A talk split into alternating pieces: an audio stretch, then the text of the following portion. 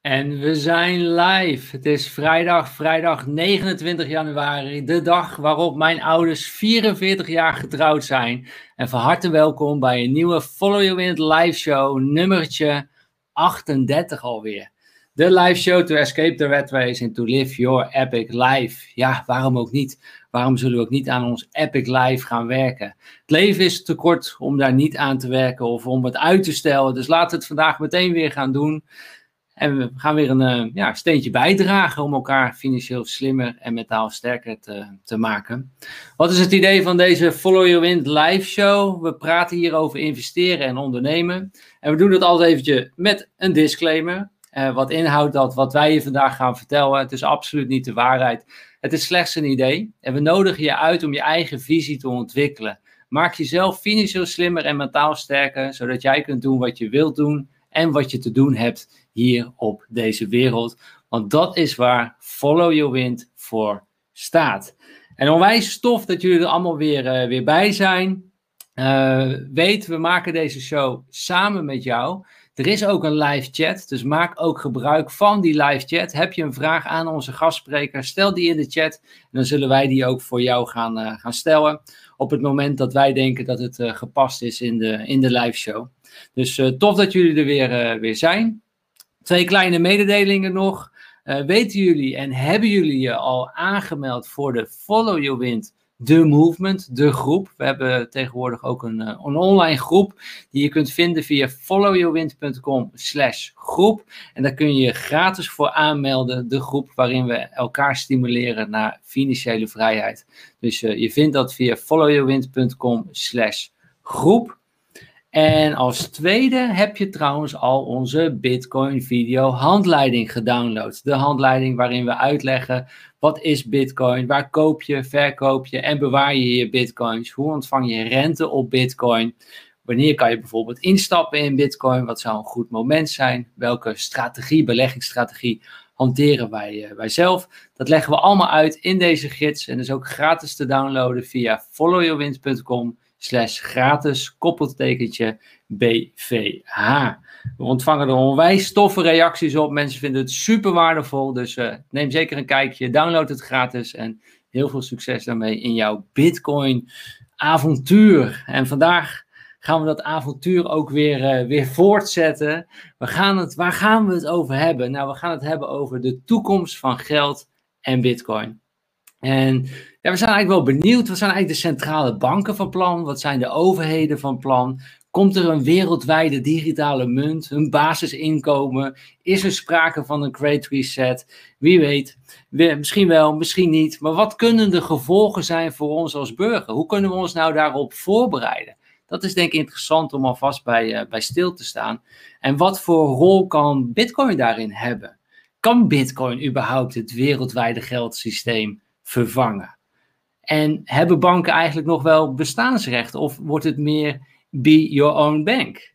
Nou, ideeën waar we vandaag over gaan, gaan praten, over filosoferen met onze gastspreker. En we gaan het ook hebben over inflatie. Waarom de werkelijke inflatie veel hoger is dan de 2% die overheden aan ons uh, vertellen. En ja, wat, hoe kun je daar nou op inspelen? Hoe kun je nou je koopkracht beschermen? Denk dat het allemaal te sprake gaat komen in deze live show. Dus tof dat jullie er weer, uh, weer zijn. Laat ik onze gast er ook bij gaan, uh, gaan halen. Onze gast, hij uh, studeerde informatiekunde en natuurkunde, startte de tech startup Procurius. Dat is uitgegroeid tot een bedrijf van 50 uh, medewerkers.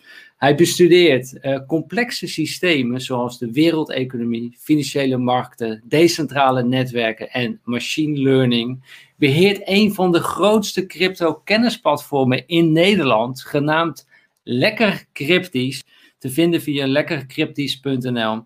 Hij is de host van de Satoshi Radio podcast, spreekt regelmatig op radio en tv, zoals hij de afgelopen tijd vaak op Nederland 1 te zien, waarin hij complexe modellen gewoon weer simpel aan ons uitlegde. En jawel, nu is hij te gast bij ons in de Follow Your Wind uh, live show. Geef hem een groot applaus. En jullie weten hoe jullie dat kunnen doen.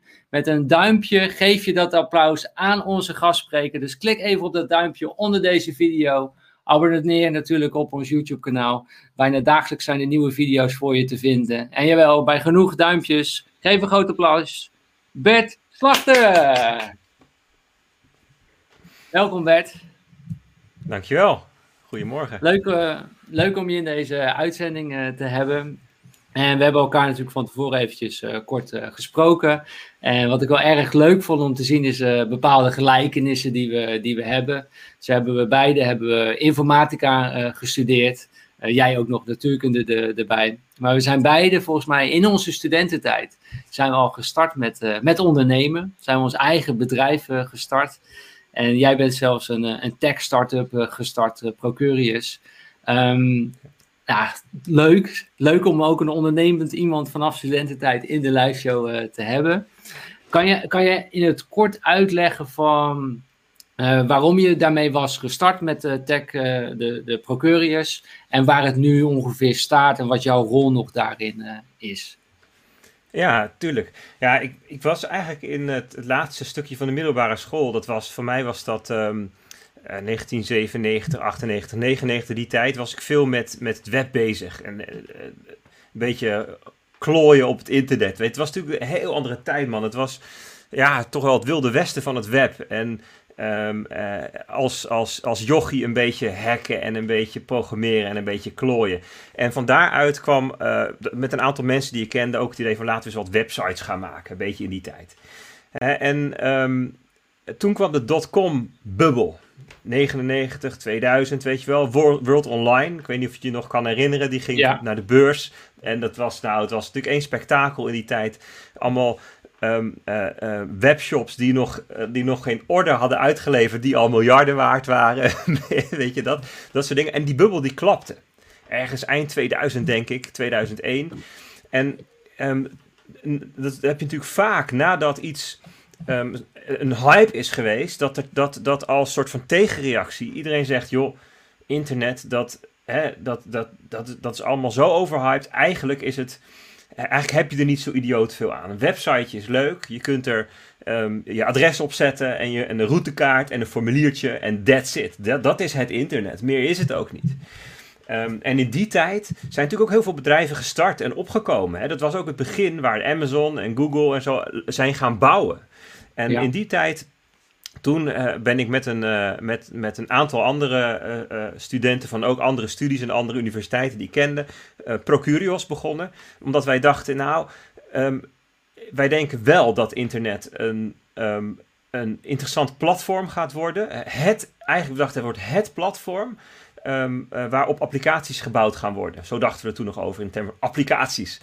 En in, de, in, de, in de jaren daarna hebben wij een, een webplatform gebouwd. En nu noem je dat cloud software. Dat woord bestond toen natuurlijk nog helemaal niet. Ja. Maar dat is het wel en dat, en dat hebben we nog steeds. En um, um, ja, uit, eigenlijk uitgebouwd in al die jaren. En, en, en in de loop der tijd is duidelijk geworden waar onze eh, product market fit ligt. Hè, waar, waar we goed in zijn, welke markt we, het product het beste voor geschikt is. Dat zijn allemaal dingen moet je uitvinden. En um, ja, nu in Nederland en een uh, vestiging in België, dus het Vlaamse gedeelte van België, doen we heel veel. En um, um, ja, dat is tof. En dat, dat, dat, dat is dus ook het bouwen van een product. Dus het, het, het um, uh, uh, design en programmeren en, en het hele, tot en met het, het verkopen en het implementeren, het hele stuk. En dat, dat is tof om te doen. En de afgelopen paar jaar is mijn rol ietsjes meer naar de achtergrond verschoven. Ik heb het samen met een vennoot. En hij is iets meer naar voren gegaan. En um, dat, is, dat is ook leuk voor mij, omdat ik um, ook heel geïnteresseerd ben geraakt de afgelopen um, drie, vier jaar in eigenlijk het vlak waar technologie en economie elkaar ontmoeten. Ik ben al wel eigenlijk sinds 2008, sinds de, de Great Financial Crisis, echt wel geïnteresseerd in hoe, de, hoe het financiële systeem nou echt in elkaar zit. Um, economie heb ik altijd wel interessant gevonden, maar hoe, hoe, hoe werkt het nou? Wat zijn nou de, hoe ziet het, de plumbing, de, de, de, het loodgieterswerk van ons financiële stelsel er nou uit? En hoe, hoe werkt dat? En um, nou ja, dat heb ik vooral veel over gelezen, onderzocht. En ja, de laatste vier jaar ben ik dat, um, daar ook over gaan schrijven en over gaan spreken. En nou ja, omdat ik met Procurios wat ietsjes meer afstand kan nemen, kan ik dat wat meer doen. Dus dat is hartstikke leuk. Ja, nou mooi. En ik, ik vind dit al eigenlijk ook een mooi staaltje follow your wind. Dat je iets, uh, ja, je hebt iets uit je passie heb je opgezet. En je bent dat steeds slimmer gaan opzetten. En dat het nu nog steeds ook voor jou werkt. En dat je nog meer kunt doen wat je eigenlijk wil doen. En wat je hier te doen hebt. Ja, daar geef je gewoon gehoor aan. Dus dat, ja, dat is echt, dat is precies waar follow your wind voor, uh, uh, voor staat. En wanneer, wanneer kwam je in aanraking met de, met de crypto-wereld? Wanneer had je zoiets van, wow, dit, dit is eigenlijk weer het nieuwe internet?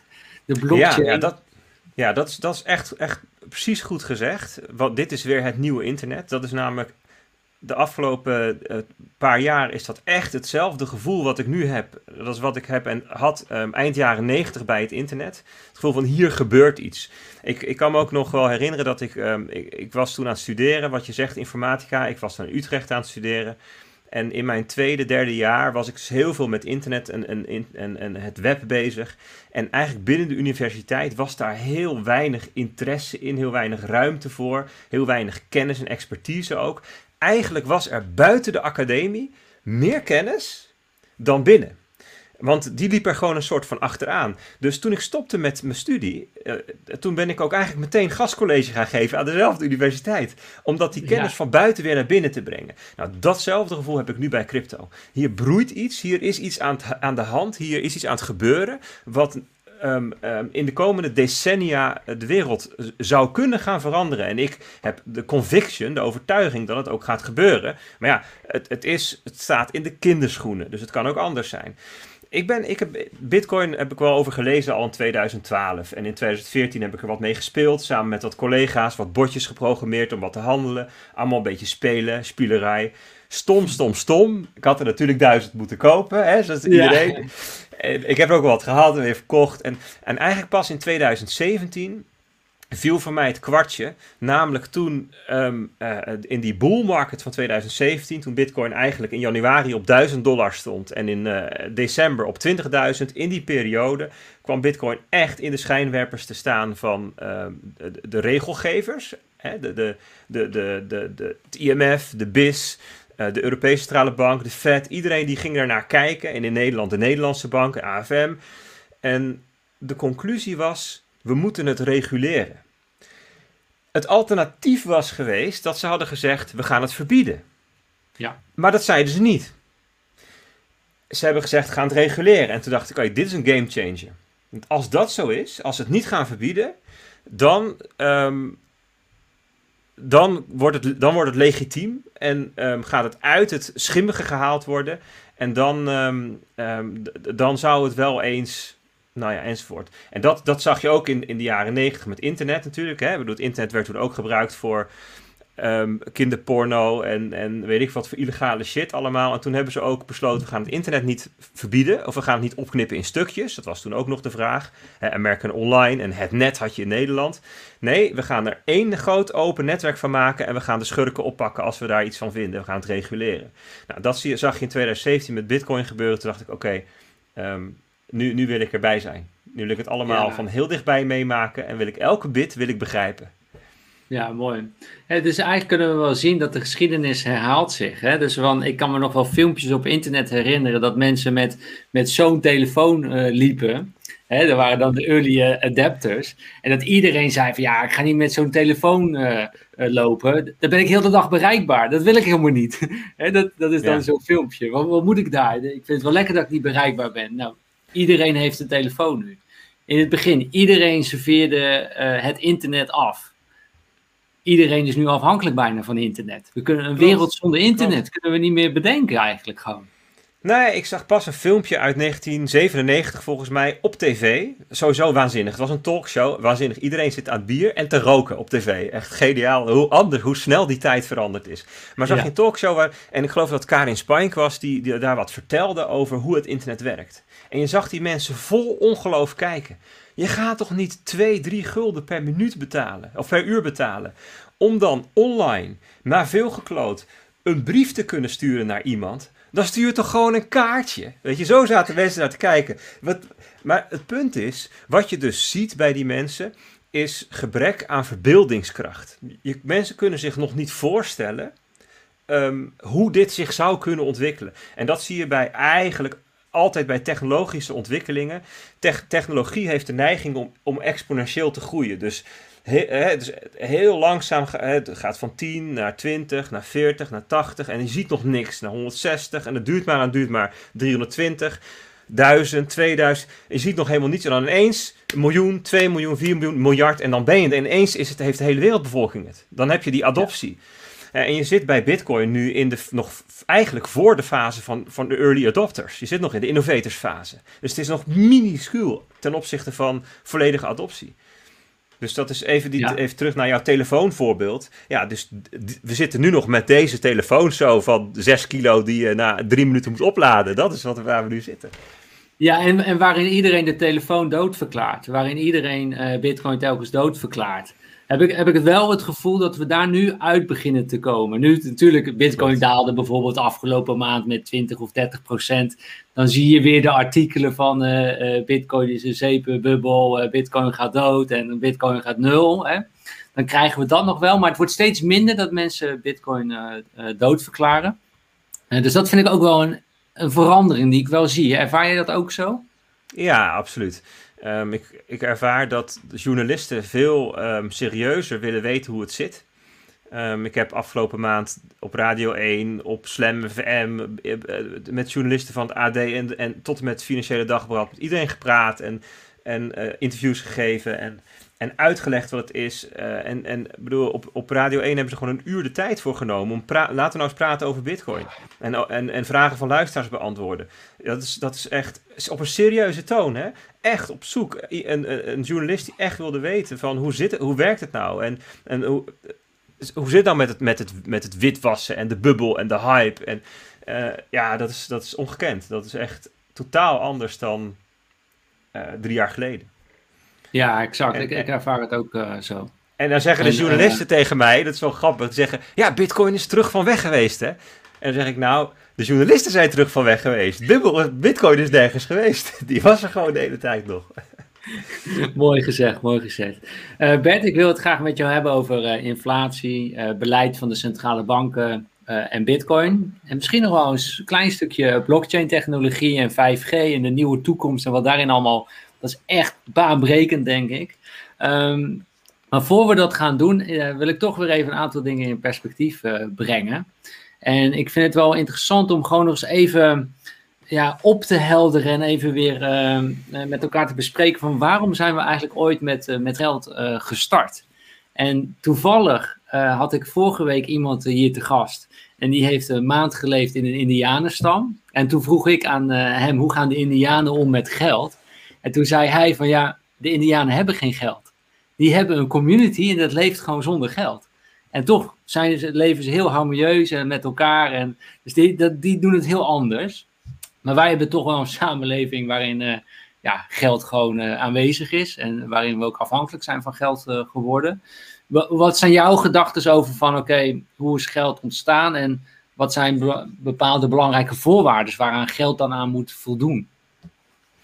Ja, dat is een leuke vraag. Kijk, er zijn heel veel origin stories over geld. Heel veel um, uh, economen hebben daar ook hun eigen kijk op. Ik denk dat een van de veel uh, gebruikte visies erop is die van het oplossen van de double coincidence of ones. Zo noemen ze dat in het Engels. Dat betekent dat als jij iets hebt en je wil iets anders van iemand, dan moet je er twee toevalligheden zijn. Namelijk, die ander moet ook precies willen hebben wat jij hebt. En op dat moment. Dus je moet aan beide kanten. Dus als jij um, um, aardbeien kweekt en je hebt 100 kilo aardbeien en je wilt een paar schoenen. Ja, dat is lastig ruilen, want de schoenmaker zit waarschijnlijk niet te wachten op 100 kilo aardbeien, want die verrotten waar je bij staat natuurlijk. Ja. Uh, dus daar moet daar iets mee. En dat, is, dat, en, en dat is ook precies het punt natuurlijk in een kleine community waar je het net over hebt bij indianenstammen. Of ik denk in, eigenlijk in, in de historie in alle kleine gemeenschapjes. Hè, dus, dus rondtrekkende uh, stammen bijvoorbeeld. Die zullen het misschien niet nodig hebben gehad omdat ze alles gemeenschappelijk hebben. Maar er komt een bepaalde schaalgrootte dat je iets van specialisatie gaat doen. Dus de een die kweekt de aardbeien en de ander die maakt schoenen en de, en de volgende die bouwt huizen. En je, en je, je wil dan een, een instrument hebben waarmee je die waarde kunt overdragen aan elkaar. Ehm, dus je wil waarde kunnen verplaatsen door de ruimte heen, van de ene persoon naar de ander, en door de tijd heen. Je hebt nu waarde gecreëerd met je, met je noeste arbeid, en daar wil je misschien volgend jaar iets mee. Nou, wat wordt daarvoor gebruikt? Ja, in, in principe vaak dingen die, je, um, die een bepaalde schaarste hebben. Want stel dat je er um, uh, schelpen voor zou gebruiken en je woont aan het strand, dan gaat iedereen s ochtends gewoon even wat schelpen uh, op strand ophalen. En weet je, dat, dat, dat, dat, werkt niet. Dan, dan wil je namelijk geen schelpen voor je schoenen, want die zijn niks waard. Dus de, de kralen, die, de, de glazen kralen is vaak zo'n voorbeeld in Afrika. Die, die, die werden daar gebruikt in, in, in het binnenland van Afrika, uh, omdat die daar niet te vinden waren. Om die te vinden moest je een ontzettend lange, ingewikkelde, gevaarlijke route naar de kust afleggen, waar, ze dan, waar ze dan kon vinden, waar ze dan afgesleten waren door de. Weet je, zo'n soort verhaal is het. Dus glazen kralen waren op die plek, in die tijd, schaars en dus een aardig instrument om um, te gebruiken als medium of exchange, als ruilmiddel. Um, of schelpen. Schelpen midden in het oerwoud, ver van de kust. Ja, die schelpen zijn daar zeldzaam. En wat je dus elke keer zag door de loop van de geschiedenis, is dat, er, um, dat, dat volken beter konden gaan reizen. En je zag dus, er kwamen de Europe Europeanen, die kwamen daar en zagen, hé, hey, glazen kralen als um, ruilmiddel. Volgens mij kunnen wij die gewoon maken intussen. Dus die gingen terug naar huis. Die maakten kruiwagens voor die glazen kralen. En die gingen daar gewoon compleet stukken land opkopen. En dan zie je dat zo'n zo'n zo'n geld um, dus onbruikbaarder wordt. En je ziet door de geschiedenis heen dat dus alle soorten geld elke keer vervangen werden door iets wat zeldzamer, wat beter die, dat die functie van ruilmiddel kon vervullen, tot uiteindelijk praktisch de hele wereld op zilver en goud zat en zelfs zilver opgegeten werd door goud, omdat goud nog schaarser is. En, en um, ja, goud heeft dus het voordeel dat het um, schaars is, zeldzaam is, hè, dat het makkelijk waarde kan verplaatsen, omdat uh, hey, je hebt geen uh, uh, 100.000 kilo goud nodig om een brood te kopen, zal ik maar zeggen. Um, het ver verrot of verroest niet. Ja. Um, weet je, dus, dus dat zijn een aantal karaktereigenschappen van, van goud die het, die het eeuwenlang tot een, tot een, een interessant geld hebben gemaakt. En dus, dus ja, dat dus is ook, het, zeg maar... ook, de, de, ook het opdelen van goud lijkt mij, dat dat ook interessant is. Dat je iets hebt wat je weer kunt opdelen in stukjes. Ja, dat, dat wel. Het is natuurlijk wel goed op te delen, maar ook wel weer moeilijk op te delen. Want, ja. um, want het heeft ook te maken met. Ja, dus, dus, in, dus er werd vaak met gewicht gewerkt. Hè? Dus hoeveel gram goud. Dus je had vaak van die weegschalen waar je dan dat op kon meten. Ook omdat mensen anders stukjes eraf gingen halen, weet je wel. klippen, het klippen van munten. Dus, dus goud heeft wel ook weer nadelen. dus als je naar de markt gaat en je hebt één munt en je wil één brood, ja, dan eh, moet je met wisselgeld gaan werken en zo. Dus, dus goud is niet perfect. maar, maar ja, in die tijd was dat misschien het beste wat, wat, wat ze hadden. Dus werd er ook al snel in die tijd, kijk, en nu, nu gaan we, ga je al snel vrij diep erin. Dan kom je bij die andere origin stories. Dat mensen zeggen, nou, het, het, de oorsprong van geld is niet goud, maar, um, maar schuld dus wat je dan heel snel krijgt is van oké, je gaat naar de bakker en je geeft die gouden munt uh, en je krijgt daarvoor 10 broodcredits terug. je neemt één brood mee en je hebt nog 9 broodcredits over en die kan je dan komen halen volgende weken. Of andersom, je gaat 10 broden halen en dan uiteindelijk geef je één gouden munt. En dus had je een stok met streepjes erin, de kerfstok. En er zijn al de tallies, er zijn heel veel um, systemen ook die met schuld werken. Dat komt eigenlijk automatisch op in zo'n geldsysteem. Dus er zijn allerlei ja. Met een, groot, met een grootboek, met een werken ze ja, dan. En ja, soort bijgehouden. En vertrouwen, wat je dus moet hebben in elkaar. Uh, dus er zijn allerlei aspecten van geld wat we, wat we nu in het huidige geldsysteem zien. Dus vertrouwen, iets van schaarste, wat er wel of niet is. Um, iets van schuld, wat eigenlijk door de geschiedenis heen in verschillende vormen al terugkwam. Ja, en nu, um, eigenlijk sinds de Tweede Wereldoorlog, sinds 1944 Bretton Woods, zijn we overgestapt van een systeem wat in elk land gedekt werd door goud naar een systeem wat verbonden is aan de dollar. Waarbij de dollar gedekt wordt door goud. Uh, dus 1 dollar uh, was inwisselbaar voor 35 dollar was inwisselbaar voor 1 uh, ounce of gold. Als ik me niet vergis, in 1944. En, um, en alle uh, andere munten, die, waren, die zouden dan de dollars in reserve houden in plaats van goud. En op die manier aan, goud gekoppeld uh, zijn. Ehm, ehm, en dat is in 1971 door Nixon is dat losgelaten. Dus sindsdien ehm, ja, is er eigenlijk geen schaarste van fiat geld, van euro's en dollars en verzin het allemaal maar. En is dus de dollarprijs die, die, die, die, die, die varieert. Hè? Dus nu is een, ja. een, een, ounce of gold is nu 1780 dollar of zoiets in die richting. En nou ja, dat verandert dus. Dus dat is al ten opzichte van die 35 dollar al heel veel hoger geworden. Ja, want, um, want er wordt meer fiat geld gemaakt. Meer, meer dollars en euro's en yens en verzint allemaal maar. Dus ja, we zitten nu in een heel, eigenlijk in een soort experimenteel geldstelsel met elkaar.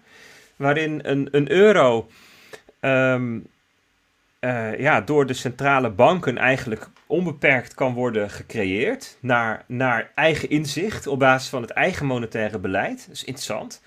En daarnaast heb je dus commerciële banken die maar een klein deel van hun vermogen als reserve hoeven aan te houden en veel meer geld mogen uitgeven, schuld mogen creëren.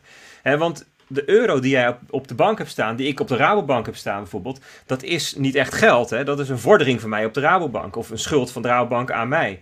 Echt geld nu is eigenlijk alleen maar contant geld. Dus het is een heel, er zit een heel interessant systeem um, dat dat wat op zichzelf al experimenteel is en dan ook nog eens in een experimentele fase terechtgekomen is van monetair beleid. We hebben 0% rente, negatieve rente op sommige plekken.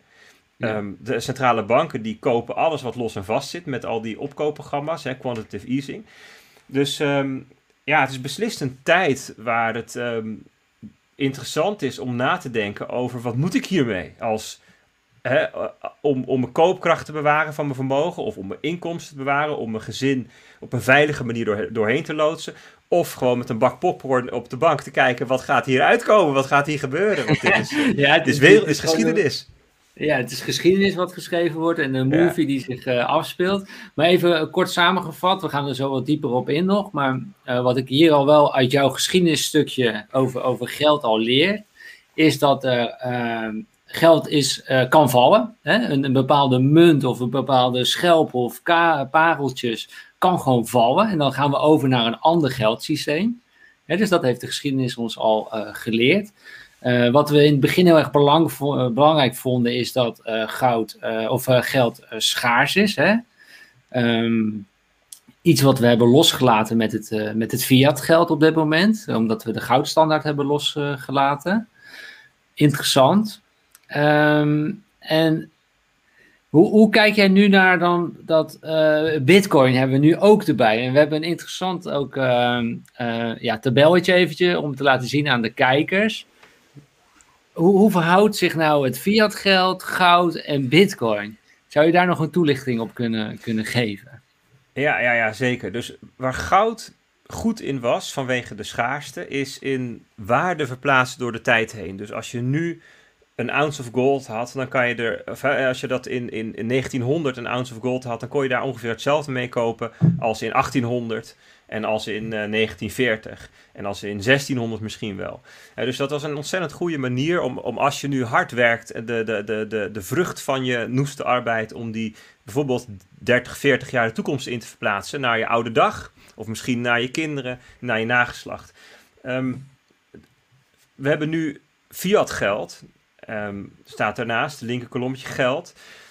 Die is ontzettend goed in het verplaatsen van waarde over ruimte. Want wat met goud ontzettend lastig is, hè, dus stel dat ik nu wat koop in uh, Duitsland. Ik heb van in de, in de kerstvakantie heb ik wat audioapparatuur gekocht in Duitsland. Waanzinnig. Gewoon met Ideal betaald. Drie dagen later stond hier een doos op de stoep. In Nederland was het overal uitverkocht. Fantastisch natuurlijk. Stel dat ik dat met goud moet betalen, dan moet ik erheen rijden. Eh, die, die aardige Duitser, die gaat dan kijken naar mijn gekke munt. Nou, dan gaan we het maar wegen. Uh, is het wel goud? Moet hij dat controleren? Weet je, dat, um, um, terwijl nu doe ik een, een ideal betaling en het, en het komt binnen. Dus fiat geld, het, het systeem wat we daar uh, omheen bedacht hebben, is heel erg goed in het verplaatsen van, van waarde over de ruimte. En bitcoin kan het allebei. Dat is natuurlijk interessant. Die kan en, omdat het schaars is, de waarde over tijd verplaatsen. En omdat het digitaal is, de waarde over de ruimte makkelijk verplaatsen. Het, het, over ruimte verplaatsen is dus naar een willekeurige andere plek sturen. Um, en het heel makkelijk in hele kleine stukjes kunnen opdelen, bijvoorbeeld. Dat is ook zo'n eigenschap van iets digitaals. Dus het idee van Bitcoin is dat het eigenlijk ehm, eh, het beste van die twee werelden, van de goud- en de fiat-wereld, zou combineren. Ja. Dus dat, dat, dat, is, dat, is, dat is in ieder geval hoe, hoe bitcoiners ernaar kijken. Ja, en het is wel interessant dus dat wij op dit moment dan toch nog met z'n allen eigenlijk uh, het fiat geld dan vertrouwen. Terwijl we eigenlijk weten van, nou, we kunnen kijken naar het aantal dollars wat in 2020 is bijgedrukt. Volgens mij, ik heb het gelezen, is dat uh, 21% uh, is bijgedrukt in 2020 van alle dollars. Dus we kunnen wel stellen dat het niet echt schaars meer is. Dus eigenlijk dat je, het is niet, je vermogen is niet mee te nemen naar morgen. Je weet sowieso als je het houdt in dollars of in euro's, je gaat erop achteruit. Maar ja, waarom, waarom vertrouwen we dat dan toch nog met z'n allen? En want bitcoin is gewoon nog heel klein. Klopt. Dus je, je kan daar eigenlijk, er zijn twee dingen die ik erover wil zeggen. Het eerste is even kort. Um, eigenlijk in de geschiedenis is het, is het eigenlijk heel vaak zo geweest dat um, dat mensen zelf kiezen wat ze gebruiken om, als ruilmiddel. Dat ontstaat. Goud ontstaat. Waarom, is waarom kiezen wij de Florijn uit, uit, uit Florence of zo? Ja, het is handig, want dat wordt overal geaccepteerd. Bijvoorbeeld zoiets. Of waarom, doen we, waarom gebruiken we sigaretten in de gevangenis? Ja, dat, dat, dat, is, er is geen regel in de gevangenis. Je moet sigaretten gebruiken als geld. Nee, dat hebben die gevangenen zelf bedacht, omdat ze dat handig vonden.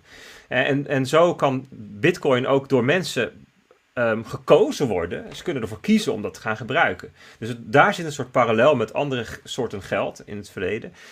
Um, het tweede wat ik wil zeggen is, um, de, als reactie op waar we nu, uh, op het fiat geldsysteem, zie ik eigenlijk twee bewegingen.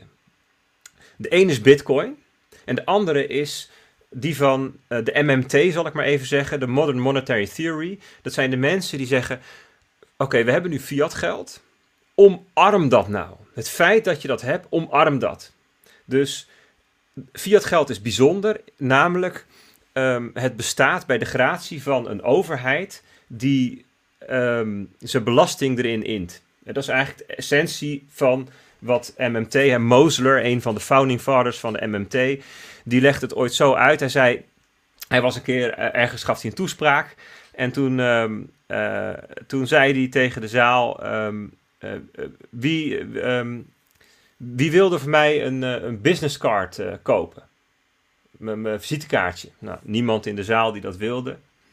jongens, hier, ik heb visitekaartje. Ko koop zo'n visitekaartje. Niemand wilde het hebben. Hij zei van, ja, oké, wacht. Maar um, wat ik er niet bij heb verteld, zometeen na afloop...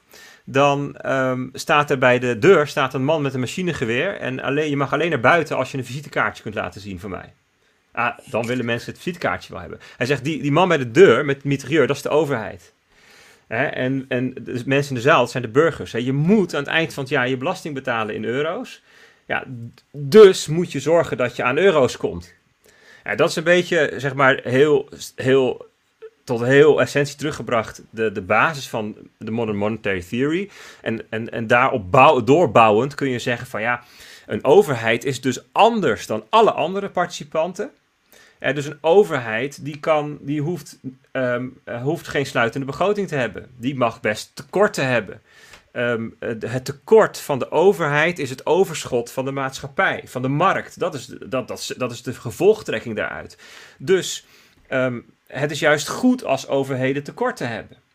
Dus dus de, de, de MMT die, die zegt van oké, we hebben fiat geld, dat is, dat is uniek. Er, er is geen goud wat je hoeft aan te, houden. Omarm nou die uniekheid ervan en ga gebruik maken van het feit dat je dat onbeperkt kunt bijdrukken. Ga dus ook, um, ga dat ook doen. Laat de overheid besteden tot het punt dat de inflatie echt begint op te lopen.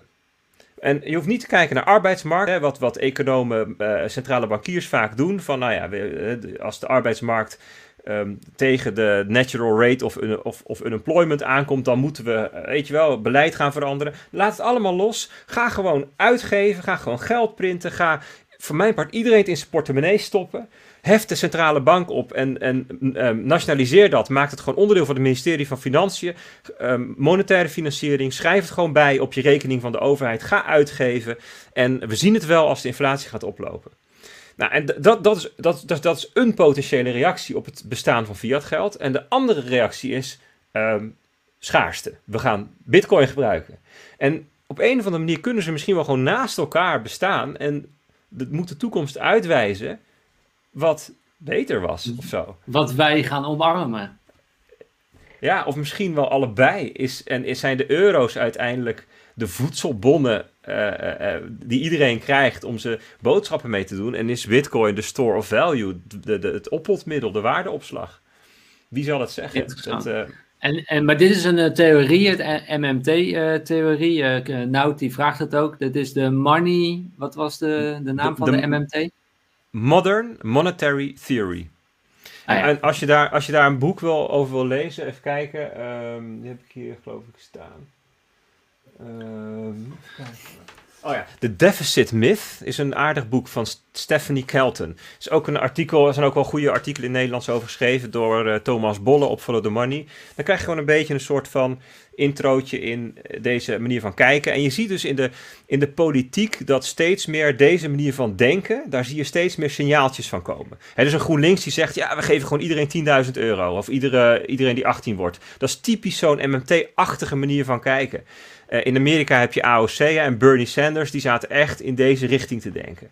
Dus je ziet, um, je ziet deze manier van denken opkomen. Eén caveat voor Nederland is: een voorwaarde voor MMT is dat je monetair soeverein bent als land. Nou, dat is Amerika, dat is Canada, dat is Australië, dat is Japan, dat is uh, Noorwegen, maar dat is Nederland niet, want wij zitten in de euro. Dus de Nederlandse bank um, die heeft eigenlijk niks te zeggen. Dus ons, ons begrotingsbeleid Um, en uh, ons monetaire beleid zijn gescheiden. Begroting is Nederland, monetair is Europa. Dus wij in Europa kunnen niet zomaar MMT gaan doen. Dus dat is nog wel wat lastig. Maar er zijn wel andere landen waar mensen echt hiervoor pleiten om dat, dat gewoon zo te gaan doen. Ja. ja. mooi. Nico heeft ondertussen ook even het boek, uh, wat jij zojuist noemde, ook even in ja. de chat gezet. En uh, ook in beeld. Dus van Stephanie Kelton. Ja, um, voor, voor, veel, voor veel bitcoiners is dit het allerergste wat je kunt doen. Hè? Is dit vreselijk. Maar ja. ik vind het interessant om het allemaal te bekijken. Onderzoekt alles en behoudt het goede. Een beetje op die manier. Ja, maar goed, dat, dat is ook waar we deze live show voor hebben. We willen het juist vanuit verschillende kanten uh, belichten, belichten. En kijken van, hé, hey, welke kant gaan we eigenlijk op? En hoe kan ja. ik daarop inspelen? En, uh, en juist niet alleen blind staren op, uh, op bitcoin. Uh, waar ik het heel even met je over wil hebben, je liet het woord al uh, vallen, en dat is inflatie. En bij mij heerste zo'n gevoel van dat het niet klopt met de inflatie die ons voor wordt gehouden. Er wordt vaak gezegd van, en overheden uh, spreken dat ook uit, we, we, streven naar een inflatie van 2%. Dat is eigenlijk het beleid wat ze hebben en wat ze maken volgens mij met de centrale banken van, ja, er is gewoon 2% inflatie. Maar voor mijn gevoel en ik denk dat mensen dat zelf ook hebben bij de kijkers, is de inflatie veel hoger. Zie je gewoon dat producten gewoon veel duurder worden dan, dan die 2% alleen. En ik heb ook al zoiets gevoel gehad bij toen we van de, de gulden naar de euro gingen. Het leek ook wel dat alles, ja, die mars was eerst een gulden en nu is het 1 euro zo, snap je? Dat, ja. dat, daar heb ik dat gevoel eigenlijk ook al uh, gehad. Um, kan jij ons daar meer over uitleggen over welke inflatiecijfers met ons gedeeld worden? En welke er eigenlijk onthouden worden, die niet gedeeld worden, die wellicht ook wel in het mandje moeten komen om een eerlijker beeld te hebben van onze inflatie. Dat we gewoon als burger zijn in ons leven. Ja, ja, zeker. Ja, het getal. Als we het hebben over inflatie, dan hebben we het over de CPI of de CPI. Dat is toevallig in het Engels hetzelfde als in het Nederlands, de Consumentenprijsindex. Um, en dat is in Nederland wordt dat door het CBS, Centraal Bureau voor Statistiek, wordt er elk jaar een um, nieuw mandje, noemen ze dat dan. het is tegenwoordig wel een heel zwaar mandje geworden, want ik geloof dat er een paar duizend um, producten intussen in zitten. Die kan je gewoon, ze, ze brengen daar gewoon een rapport over uit. wat er allemaal in zit en wat de weging is van al die producten. en en het idee is dat de, de inhoud van de CPI is een soort van afspiegeling van wat alle consumenten bij elkaar kopen in een jaar, waar ze hun geld aan besteden. Niet alles zit erin, maar ze doen wel hun best om zoveel mogelijk erin te, doen. Um, en die CPI, die wordt dus van jaar op jaar vergeleken en dan, dan is dat de inflatie. En dat is dan bijvoorbeeld 1,8% hoger. Dat was um, de afgelopen tussen 2000 en 2019 was de CPI-inflatie gemiddeld 1,8% per jaar. Dus dat maar, is... maar één, één ding hoorde ik jou nou zeggen, dat er ieder uh, jaar wordt er een ander mandje samengesteld. Het is niet ieder jaar hetzelfde mandje. Correct. Dus het is niet een mandje met 20 producten, een brood en een kilo kaas en weet je. Maar er wordt, elk jaar wordt er gekeken van. En er worden er 10.000 punten verdeeld over allerlei dingen. Dus daar zit een beetje in um, voedsel, ehm, maar ook verschillende soorten voedsel als de trends veranderen. Bedoel, 50 jaar geleden zaten er, uh, wat zat er, wat aten mensen toen? Macaroni met smak, weet je, van die kleine blokjes. Ja, ja. En nu zitten, er, nu zitten er avocado's in, die zaten er toen niet in, weet je wel. Um, maar ook bijvoorbeeld, uh, hoeveel geld wordt er besteed aan caravans en aan boten? Dat is dan ook 0,01% in het mandje of aan muziek of aan uh, naar het theater gaan of brandstof voor de auto. Weet je, al die componentjes, hele kleine stukjes zitten daarin. En, is dus energie, uh, energie voor je huis, uh, brandstof, ja, zit dat zeker. Zit zeker, zit erin. Ja, ik geloof ja. bijvoorbeeld belastingen op een bepaalde manier niet. Een deel van de belastingen niet. Ik geloof een deel van de tweedehandshandel of alle tweedehandshandel niet. Um, huizen kopen zitten er niet in, omdat ze het kopen van een huis ook zien als een stuk investering. Dus wat erin zit is de huurwaarde van het kopen. Nou, er, wordt al, er worden allerlei dingetjes mee gedaan om het uh, vergelijkbaar te houden. Um, maar, de, maar de essentie wat je moet onthouden is dat de CPI is het belangrijkste getal, want het wordt gebruikt voor, um, door, door, door heel veel uh, macro-economen als soort van basisscenario. Hè? Dus kijk, het gaat erom of je rendement hoger is dan de inflatie. Je kunt wel een rendement van 5% hebben en zeggen, nou dat doe je aardig. Maar als de inflatie 10% is, dan maak je 5% verlies natuurlijk. Dus de, nominale, de nominale rendement is minder interessant dan je reële rendement. Zo noemen we dat dan. Reëel is na inflatie. Uh, of, of uitgedrukt in kratjes bier, zo zeg ik het vaak. En wat is je rendement uitgedrukt in kratjes bier? En dat is interessant, want dat is namelijk wat je ermee moet kopen en niet het getal. Um, hè, dus, dus 1% rendement, dat kan heel veel zijn als de inflatie min 4% is. Dan doe je het hartstikke goed. Dus daar moet je altijd naar kijken. Um, dus, die, dus die CPI is belangrijk voor, als maatstaf, maar ook bijvoorbeeld voor het indexeren. dus overheden die indexeren uitkeringen en huurprijzen en ook de grote bedrijven die indexeren hun prijzen soms, of hè, dus de abonnementskosten bijvoorbeeld, met de CPI. Dus die CPI die speelt een belangrijke rol in, uh, in allerlei dingen. Dus er zit, er zit heel veel politiek omheen, want mensen vinden het belangrijk waar het op uitkomt. dus dat is, al, dat is op zich al een, signaal van oké, okay, um, uh, er zijn belangen, dus we moeten uitkijken hiermee. Maar goed, wat, wat, wat, als je dus gaat kijken naar wat er allemaal in, in um, in die eh, eh, eh, uitgaven zit, dan zou je dat kunnen opdelen in een aantal categorieën. Of laten we het nog eens even ietsjes anders zeggen. Um, dat mandje, dat is wat alle consumenten bij elkaar besteden. Nu. Daar zijn eigenlijk twee dingen problematisch aan. Het eerste is, ik ben niet gemiddeld en jij ook niet. En tweede is, um, dat is leuk voor bestedingen, maar ik ben geïnteresseerd in sparen. En ik spaar voor iets anders dan wat ik nu besteed. Ik spaar niet voor een pot pindakaas. Ik spaar voor um, een huis bijvoorbeeld. Of een jacht. Of um, dat mijn kinderen kunnen studeren. Of whatever. De meeste mensen, of een dat bruiloftsfeest of zo. Waar sparen mensen voor? Dat is een ander mandje dan wat mensen elke dag besteden. Dus dat zijn twee dingen die problematisch zijn. Nou, wat kan er nou in jouw mandje zitten van dingen waar jij in de komende 10 jaar je geld aan gaat besteden? Of 30 jaar? Dat is, dat, is, dat is namelijk een interessantere vraag eigenlijk dan waar hebben we het afgelopen jaar met z'n allen ons geld aan besteed. Nou, die kunnen in drie categorieën zitten. Categorie A, dat zijn de spullen met een inflatie van onder de 0%. Dus deflatie. Dat zijn dus dingen die elk jaar goedkoper worden. Categorie B, dat zijn de spullen met een inflatie van tussen de 0 en de 4 procent, zeg maar 2 procent ongeveer. En categorie C, dat zijn de um, spullen met een inflatie van veel hoger, 5 procent, 10 procent, 20 procent. Categorie A, deflatie. Dat zijn eigenlijk alle spullen die goedkoper worden door digitalisering. Um, en dat komt dan omdat het fysieke deel van zo'n product of dienst een steeds kleinere rol gaat spelen.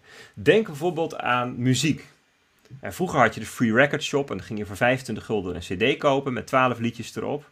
Nu heb je Spotify voor 7,50 per maand en dan heb je alle muziek die er is. Ja. Ehm, en um, denk aan films. Vroeger hij had een abonnement bij de videotheek, moest je video's huren, je ging dvd's kopen. Uh, ging naar, naar, de bioscoop toe om enigszins acceptabele kijkervaring te hebben. Nu heeft iedereen dat, thuis.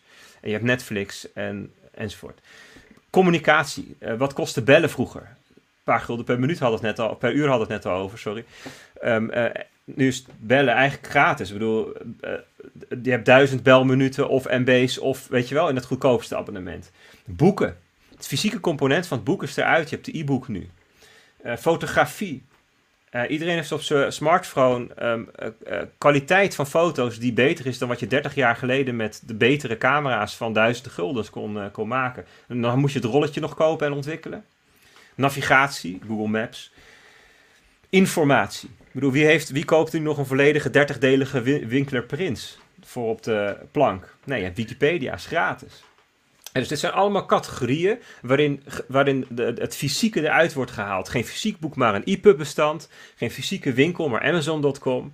En dat gaat bij nog veel meer dingen gebeuren in de toekomst. Dus um, evenementen waar je 1000 euro voor moest betalen om erheen te gaan, omdat het dure, dure venue was en weet ik het allemaal, catering. Dat wordt straks um, digitaal first. Dat hebben we namelijk met corona, is dat er een beetje doorheen geduwd. Evenementen zijn nu digital first, ze worden dus goedkoper. Um, notaris. je, ziet, je ziet het bij uh, bokswedstrijden. Dus de bokswedstrijden kan geen publiek meer bij zijn. Uh, Badahari en wie en uh, Rico Verhoeven die spelen, is pay per view. Nou ja, in plaats precies. van dat je een kaartje van 50 euro hebt, kun je nu een kaartje van misschien 12 euro kopen. En zit je online te kijken. Ja. En technologie haalt het materiële eruit en maakt dingen goedkoper. En dat gaat de komende 10, 20, 30 jaar nog veel meer gebeuren. Uh, dus, dus tot en met eraan toe dat we straks dat producten gedigitaliseerd worden, fysieke producten. Dus je koopt um, het ontwerpje en thuis print je het uit op je 3D-printer. Dus er gaat, alles gaat er tussenuit, van productie, logistiek, opslag, eh, last mile enzovoort. En daar gaat ook weer 40% van af, deflatie. Dus dit zijn dingen die worden alleen maar goedkoper. als jij dit zo vertelt, dan vind ik eigenlijk heel gek dat de dingen die in het mandje zitten van de CPI, van de, het inflatiemandje, dan zou je eigenlijk zeggen dat voedsel produceren ook goedkoper moet zijn. Omdat we daar veel, veel slimmer in zijn geworden. En dat we het veel beter kunnen produceren. Dat is mandje, dat is, dat is categorie B. Categorie B, daarin zitten alle dingen, dat is die inflatie van rond de 2%. Uh, alle dingen die, die steeds efficiënter kunnen worden geproduceerd door bijvoorbeeld schaalvergroting, um, globalisering, hè, dus uh, um, uh, zeg maar arbitrage van arbeidskrachten. dat arbeid is elders goedkoper. Of robotisering, dan heb je het over je landbouw. Landbouw tegenwoordig heb je allemaal tractors die kunnen gewoon zelf um, navigeren over het land op de millimeter nauwkeurig enzovoort. dingen worden daar goedkoper door die dingen. Um, daar zit alle massaproductie, dus kleding, voedsel, spulletjes voor in huis. Um, daar zit alle niet gespecialiseerde of niet, niet zeg maar extreem doorgeleerde diensten zitten daar. Dus de kappers, de schoonmaak, het onderhoud. Uh, overheidsdiensten, sociale huisvesting zitten in, die, in, in categorie B. dus dat wordt wel duurder, alleen een heel klein beetje elk jaar. En dat zou, ben ik met jou eens, dit zou in een um, geldsysteem waar geld niet bijgedrukt wordt, zou dit ook goedkoper worden. Ah, toch wel. Ah. Alleen omdat er natuurlijk heel veel geld wordt bijgedrukt, wordt dit duurder. Um, alleen ah, dus door de geldontwaarding. Dus het is niet zozeer inflatie, maar er is geldontwaarding. Waardoor wij het niet zo voelen in onze portemonnee. Of juist wel voelen in onze portemonnee. Ja, dus dus, dus eigenlijk, we hebben enorme efficiëntieslagen ge, uh, gemaakt de afgelopen 30 jaar. Hè. Eigenlijk sinds we de wereldhandel uh, vrijer is geworden. Volgens mij jaren 80 dat het echt, echt, echt, echt opkwam heb je dus dat er geproduceerd wordt in lage landen. Dat er enorm schaalvoordelen worden gemaakt. Ehm, en dat er enorm gerobotiseerd is. Dus, dus überhaupt arbeid um, uit de vergelijking gehaald. En toch zijn die spulletjes langzaam ietsjes duurder geworden. Dus dat, dat kan niet anders dan dat dat gewoon te maken heeft met geldontwaarding. Maar dit, dit kan ik dan ook zo zien van het verband zien van uh, er is een beleid van 2% inflatie. Um, als de producten goedkoper worden, er is eigenlijk deflatie, kunnen we toch omzetten naar inflatie door gewoon meer geld bij te drukken. Correct. En kunnen we toch dat beleid van 2% inflatie volhouden. En de CPI weer op 2% krijgen ongeveer. Ja, correct. Maar we hebben dus nu spullen die zitten onder de 0% en spullen die zitten zo rond de 2. Dus hoe kom je dan op 2 gemiddeld? Ja, dat komt omdat er nog een categorie C is. En die categorie C, dat zijn alle spullen. Dat, zijn dus, dat is eigenlijk alles wat schaars is. Daar zit alles in, als, daar zitten huizen in. Huizen zijn in Nederland de afgelopen 7 jaar gemiddeld 7,3% duurder geworden elk jaar. Per jaar. Dus die, per jaar. Elk jaar 7% duurder geworden. En in andere landen zie je vergelijkbare percentages. In de afgelopen 12 maanden is, is uh, eigenlijk in, in een periode van 3, 4 maanden in de coronacrisis zijn in sommige stukken van Amerika de huizenprijzen 40% gestegen. Je ziet enorme stijgingen in vastgoed. Kunst wordt elk jaar veel duurder. Goede wijn, juwelen, maatkleding. Um, gespecialiseerde diensten, dus denk aan um, uh, topartsen, hè, dus, dus de tandarts tot en met uh, um, uh, cardiologen, architecten, juristen, studeren aan topuniversiteiten. Die worden allemaal veel meer dan 2% duurder. Zit allemaal boven die 5%. En. Horloges, beetje... auto, exclusieve auto's, ja. denk ik ook dan. Ja, ja, ja, ja. ja, Maar dat zijn, wel de, dat, zijn wel, dat zijn wel de dingen waarvoor ik juist spaar. Exact. Nou, nou kom je op het punt. Dus er zitten wel wat van deze dingen zitten ook in de CPI. Dus dat maakt alles bij elkaar, maakt het mandje op 2%. Maar als je nou gaat kijken naar waar spaar je voor, ja, dan zijn het voornamelijk de dingen uit categorie C. Want je spaart niet voor pot pindakaas. En je spaart ook niet voor Netflix-abonnementen. Die heb je omdat je hem kunt betalen of je hebt hem niet. Maar weet je, dus dat, dat is het interessante. Dus voor je spaargeld, voor wat je in de toekomst zou willen hebben, heb je dus. Kijk, ik bedoel, stel dat jij nu geen huis hebt. Je, komt nu, je bent nu net afgestudeerd. Je, hebt al, je begint al de, uh, je, je, je volwassen leven met een studieschuld. En je wil graag een huis gaan kopen. Dan moet je tegen die 7,3% prijsstijging van het huis, inflatie van het huis, asset inflation is dat, daar moet je tegen opsparen. Nou, good luck with that. Ja. dat, dat, dat, dat, dat, dat, is, dat is waar veel uh, millennials of de generatie daarna nu, nu naar na kijken. Zeggen, ja, wat moet ik dan? Ja, dan, dan koop ik maar bitcoin. Dan heb ik nog enige kans dat ik, want bitcoin zit ook in die categorie, is ook schaars. Die neemt dus ook met meer dan 10% per jaar in waarde toe. Namelijk gemiddeld 50% geloof ik de afgelopen 12 jaar. Want dat is nog één andere categorie, of één andere uh, uh, ding wat ook in categorie C zit. En dat is voor deze, voor Follow Your Win, denk ik een heel belangrijke. Dat, dat zijn namelijk de assets die, van een, die je van een jaarlijks inkomen voorzien. Um, als je vermogen hebt, veel mensen die vermogen hebben, die zoeken naar bezittingen die, elke jaar, die elk jaar een bepaald inkomen opleveren. Bijvoorbeeld vastgoed, dan heb je huurinkomsten. Of aandelen, dan heb je dividenden. Of obligaties, dan heb je renteinkomsten. En je wil eigenlijk um, dat die inkomsten uit je assets, dat die een bepaald bedrag, dat die een bepaald inkomen opleveren. Um, als je nou gaat kijken naar hoeveel vastgoed heb je nodig om elk jaar, laten we zeggen, 10.000 euro te krijgen aan inkomsten, huurinkomsten. Nou, daar had je misschien, um, tien jaar geleden had je dan misschien voor 2 ton aan vastgoed genoeg. Nu heb je daar misschien wel 4 ton voor nodig. Als je gaat kijken naar hoeveel aandelen heb je nodig om 10.000 euro per jaar aan dividend te krijgen. had je tien jaar geleden misschien, nou ja, wat zullen we zeggen, wat zo een goed dividendpercentage, 5% of zo. Dat je, nou, dat kom je, kom je op ongeveer hetzelfde, 2 ton nodig. Nu heb je misschien wel 8 ton aan aandelen nodig, want die dividenden zijn onwijs gedaald. Nou komen we bij staatsobligaties. Natuurlijk een van de meest gebruikte bronnen van vast, uh, van, van vast inkomen in het verleden. Uh, kreeg je ooit 8% op je staatsobligaties uh, van, van, van 30 jaar. nu nog Met maar. zekerheid. Ja. 0,5 procent. Dus voor een miljoen aan staatsobligaties kreeg je vroeger um, ehm, 80.000 euro per jaar.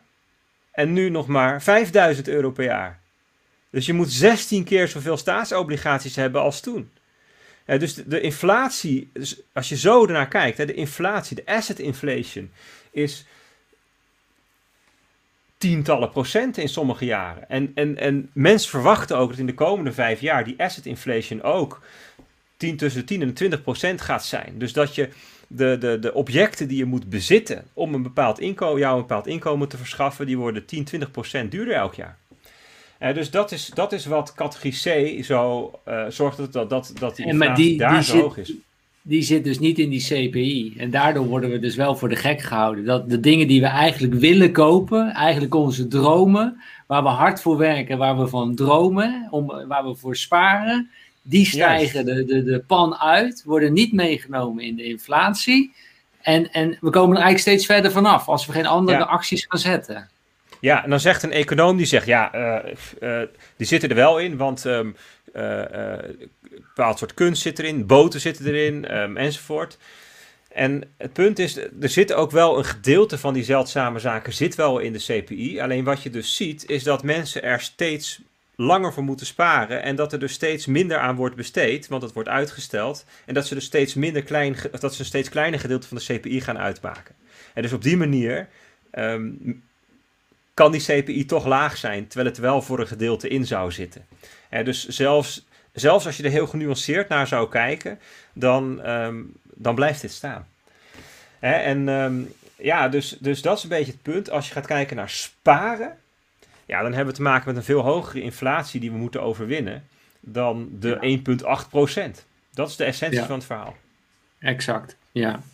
Mooi gezegd, uh, Bert. Dankjewel. Ik hoop dat het uh, de kijkers uh, ja, helpt en wakker maakt van oké, je, je moet iets gaan doen. En daar gaan we nu natuurlijk ook naar kijken van wat zouden we dan kunnen gaan doen en wat voor rol kan bijvoorbeeld Bitcoin hierin spelen. Het is wel grappig wat Nout eigenlijk eventjes tussendoor zegt van Bert, bedankt voor je inzichten, maar wat nou als Bitcoin stijgt naar 100.000 dollar? Of misschien laten we een miljoen zeggen. Maar de dollar is niets meer waard. Ja, wat winnen we dan?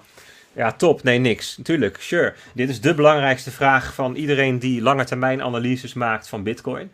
Um, altijd de vraag als iemand zegt, ja, Bitcoin gaat naar een miljoen, is, is natuurlijk altijd de vraag wanneer en is dat in nominale of in reële termen? Dus is dat uitgedrukt in dollars van nu of in dollars van dan? Ja, perfecte vraag. Kijk, hoe je ernaar kunt kijken wat Bitcoin betreft is ehm, hoe ik ernaar kijk, laat ik het zo zeggen. Ik zie dat Bitcoin de potentie heeft om een wereldwijd geadopteerd geldsysteem te zijn. En die adoptie kan verschillende uh, fases hebben, of laat het anders zeggen, verschillende functies van geld vertegenwoordigen. de functie van geld die nu het meeste tot zijn recht komt, is Bitcoin als spaarmiddel, als spaartechnologie. Dus als manier om waarde in op te slaan. En nog veel minder als betaaltechnologie. Waarbij je overigens niet ook daar weer niet ehm, eh, te weinig verbeeldingskracht moeten hebben. Want ook in de betaalwereld wordt er nu idioot hard gewerkt en onder water wat niemand ziet en kan het er ineens zijn. Maar laten we het even hebben over het spaarmiddel, Bitcoin als spaarmiddel. Stel dat Bitcoin. Um, nee, laten we eens even kijken wat er nu wereldwijd gebruikt wordt om, om waarde in op te slaan. Dat is natuurlijk goud voor een gedeelte. Nou, wat goud is ongeveer 10 uh, biljoen dollar. 10.000 miljard dollar waard. Zilver is zo klein, kunnen we negeren. Ehm, cash wordt gebruikt ervoor. Ehm, gewoon geld. Hè? Dus dat, nou, laat het enkele tientallen um, biljoenen zijn. Vastgoed wordt gebruikt als waardeopslag. Hè? Dus mensen kopen uh, vastgoed om uh, hun vermogen in te bewaren. Nou, vastgoed is, uh, ik denk, 150 biljoen. Ja, ik heb 280 miljard had ik opgezocht. 280.000 miljard. 80.000 miljard. Ja, dat is nog, nog meer. Nou, dus de en een gedeelte daarvan heeft natuurlijk gewoon een woonfunctie. En een gedeelte daarvan, oh, hè, dus of een gebruiksfunctie. En een gedeelte daarvan is een eigenlijk een monetaire functie. Hè, dus te sparen. Dus dat monetaire stuk. Dus stel dat je alleen maar, dat je van al die dingen die, die we nu noemen, um, uh, 25% zou vangen van de, het waarde opslaan en dan kom je misschien op 10, 20 uh, duizend miljard dollar aan waardeopslag. Dan, dat zou Bitcoin een waarde geven van een kleine miljoen dollar per stuk. En want een miljoen dollar keer 21 miljoen bitcoins is 21.000 miljard dollar. Is 21 trillion USD. Dus alleen al de, de spaarfunctie, de waardeopslagfunctie, kan Bitcoin tot een miljoen dollar maken. Uitgedrukt in dollars van nu. Cripple XXX. Dus, want we kijken namelijk naar het stuk van de taart wat het vertegenwoordigt. en niet naar de nominale waarde. Dus het stuk van de taart uitgedrukt in huizen, in kratjes bier, in speedboten. Dus in echte dingen, in reële economietermen. Ja, dus, dus dat dus, is. Dus ik, ik, heb hier een, een, mooi lijstje, Bert, waarin we denk ik ook goed kunnen vergelijken. Is dat uh, uh, Bitcoin vertegenwoordigt nu 370 miljard. Ja, dat is intussen veel meer. Intussen is dat veel meer, is dubbele. Oh, is, toch, verder, ja. oh is toch weer veel meer geworden? ja, ja, ja. ja, het groeit natuurlijk onwijs snel. Ja. Uh, de euro had ik opgeschreven was 1430 miljard. Dus laten we zeggen Bitcoin 600 miljard. De euro vertegenwoordigt een waarde van 1400 miljard. Goud 12.000 miljard aandelen 90.000 miljard en uh, vastgoed 280.000 miljard had ik. Ja. Dus Bitcoin is eigenlijk nog heel klein, hè? Die is 600 uh, miljard. Wat nou als Bitcoin de prijs van 12.000 miljard kan bereiken? De, de prijs van, van goud. Van goud. Dan zit je op ongeveer een waarde van 500.000 dollar per Bitcoin. Wow. Dat, is ongeveer dat vind ik wel realistisch, want als ik naar dit lijstje kijk van ja, uh, goud en bitcoin, waarop ga ik inzetten? Ja, zie ik voor mij als, uh, en ook als, als de nieuwe generatie die opgroeit met het internet. Die, uh, wij hoorden laatst eens van onze neefjes en nichtjes. Die zeiden van, die moesten op school gaan leren rekenen. En met een kassaatje en er moest dan betaald worden. En opa en oma die gingen betalen en die kwam met muntjes aan. En dan zeiden de kindjes, nee, muntjes neem ik niet aan, alleen pasje. Je kunt alleen betalen met het pasje. Ja, ja, ja. ja. Ja, maar dan, is zo. Dus, dus, dus, het is digitaal voor de kinderen al. Die, die, die krijgen de erfenissen, waar gaan ze dat dan uitgeven? Ik denk dat mensen eerder naar bitcoin gaan dan naar goud. Misschien. Misschien dat denk ik ook. Dat denk ik ook. Uh, kijk, Severdien Amous, de schrijver van het boek De Bitcoin Standard, die heeft ooit gezegd: de allerbeste aanval op Bitcoin van centrale banken of door centrale banken is als centrale banken een sound monetary policy gaan voeren. Een solide monetair beleid, een gezond monetair beleid. Dus als, als je geen reden meer hebt om naar Bitcoin te gaan voor het bewaren van je vermogen, dan, dan waarom zou je dan naar Bitcoin gaan? Hè? Dus dat is. Maar zolang centrale banken um, geen solide monetair beleid voeren, uh, is het waar wat je zegt. En ik kan je verklappen, banken die, centrale banken kunnen niet anders meer dan slecht monetair beleid voeren. Dat komt omdat de, um, de schuldenpositie van landen en bedrijven is nu zodanig dat dat niet meer kan worden gefixt met solide monetair beleid. Dan, worden de, dan zou de rente namelijk omhoog moeten, moeten en dan gaat iedereen failliet. Dus dit kan alleen maar, het blikje kan alleen maar verder de weg opgeschopt worden door, door dit, dit door te zetten en extremer te maken. Dus ja, dat, dat, die potentie die je beschrijft is er. Er zijn veel, ehm, eh, dat is ook dit, dit wat je nu beschrijft. Hè, dus uh, de Bitcoin Gold Parity, hè, dus dat ze even groot worden. Dat is de, de hypothese of de beleggingsthese, thesis van al die professionele investeerders die de afgelopen negen maanden Bitcoin zijn ingestapt. Dat begon bij um, MicroStrategy, hè, Michael Saylor, die um, uh, volgens mij was het in juli of augustus voor 425 miljoen dollar bitcoin kocht. Intussen heeft hij voor meer dan een miljard bitcoin gekocht. En dat is intussen meer dan 2 miljard waard. hij heeft goed getimed.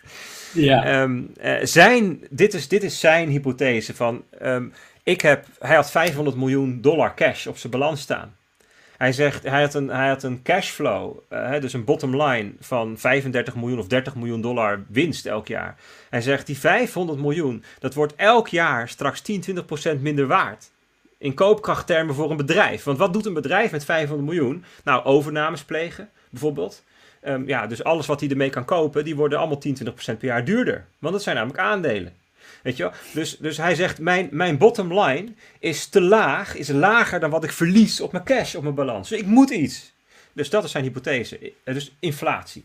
En, um, dus uh, de, het digitale goud, hè, dus zeg maar die, dat narratief, dat is van al die professionele beleggers nu de hypothese dat we toegaan naar um, ik hoor eigenlijk twee stromingen. De ene stroming die zegt even groot als goud, dus 500.000 dollar. En de andere stroming zegt, nou ja, laten we eens de helft van goud pakken als ondergrens. want goud heeft naast een monetaire functie ook een industriële functie. Dus laten we eens gaan zitten op 250.000 dollar. En dan, dan kom je een beetje ook wat je veel in de media hebt gehoord. Hè? Dus 450.000 is door Citibank gezegd. 458. 250.000 dollar kom je heel veel tegen als koersdoel voor de komende twee jaar. Ja, dat zou. Dus we hebben het nu over de komende twee jaar al, hè, Stijn? Dus dit is echt. Dit, dit is waar. Dit is zeg maar de bullish case voor Bitcoin voor de komende 1, 2 jaar. Ja. En de volgende stap zou zijn. Dat, en en dan, dan praat je wel over een langere periode. Als Bitcoin daadwerkelijk een wereldwijd geldsysteem wordt. En uh, een groter deel van de totaal 500, 600 miljard uh, 600.000 miljard aan vermogen wat er is wereldwijd zou vangen, ja, dan ga je naar 5 miljoen per bitcoin toe.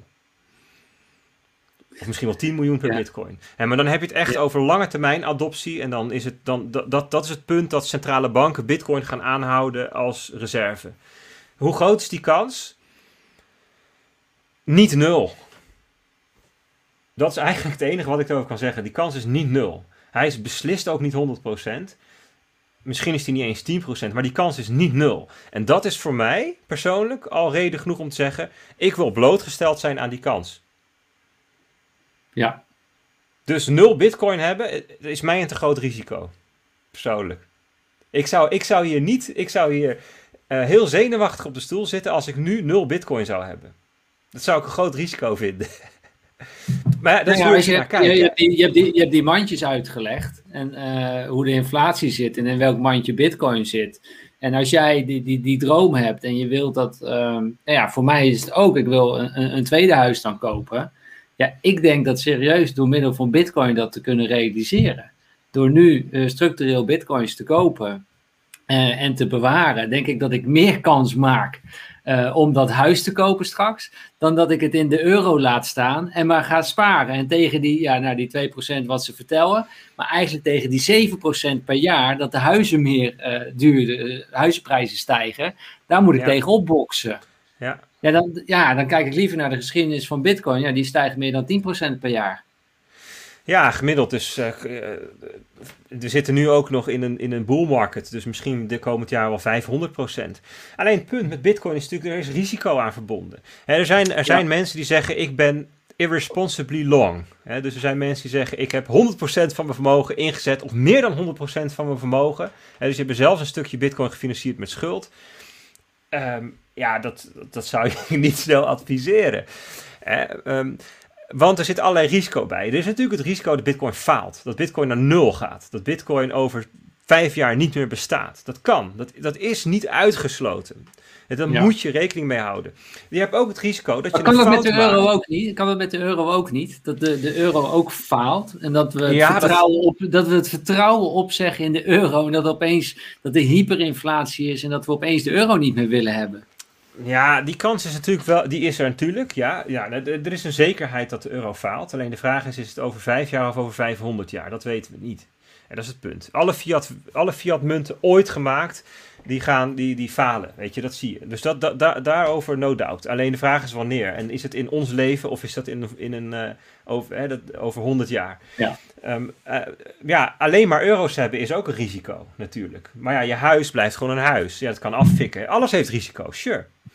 Um, um, maar ja, eh, als je gaat kijken naar uh, monetaire hervormingen, monetaire resets, um, dan zie je, dan, dan ligt meer voor de hand dat er ook een moment komt dat je, hè, dus stel dat we naar een andere munt zouden gaan, dat er ook een moment komt dat het een in het ander kunt omzetten. Misschien met wat verlies, maar, nou, weet je, dus dat, die risico's zijn wellicht kleiner. En Bitcoin heeft van toch... De gulden, van de gulden naar de euro zijn gegaan. Heel subtiel wordt dat gebracht, je wordt een beetje gemasseerd Iedereen gaat erin mee. Het is eigenlijk best vlekkeloos verlopen. Alleen ik denk als je echt de koopkrachtberekeningen gaat maken, dat we achteruit zijn gegaan. Ja, maar dat, is, dat was in de jaren daarvoor natuurlijk ook al. Dat de koopkracht achteruit ging.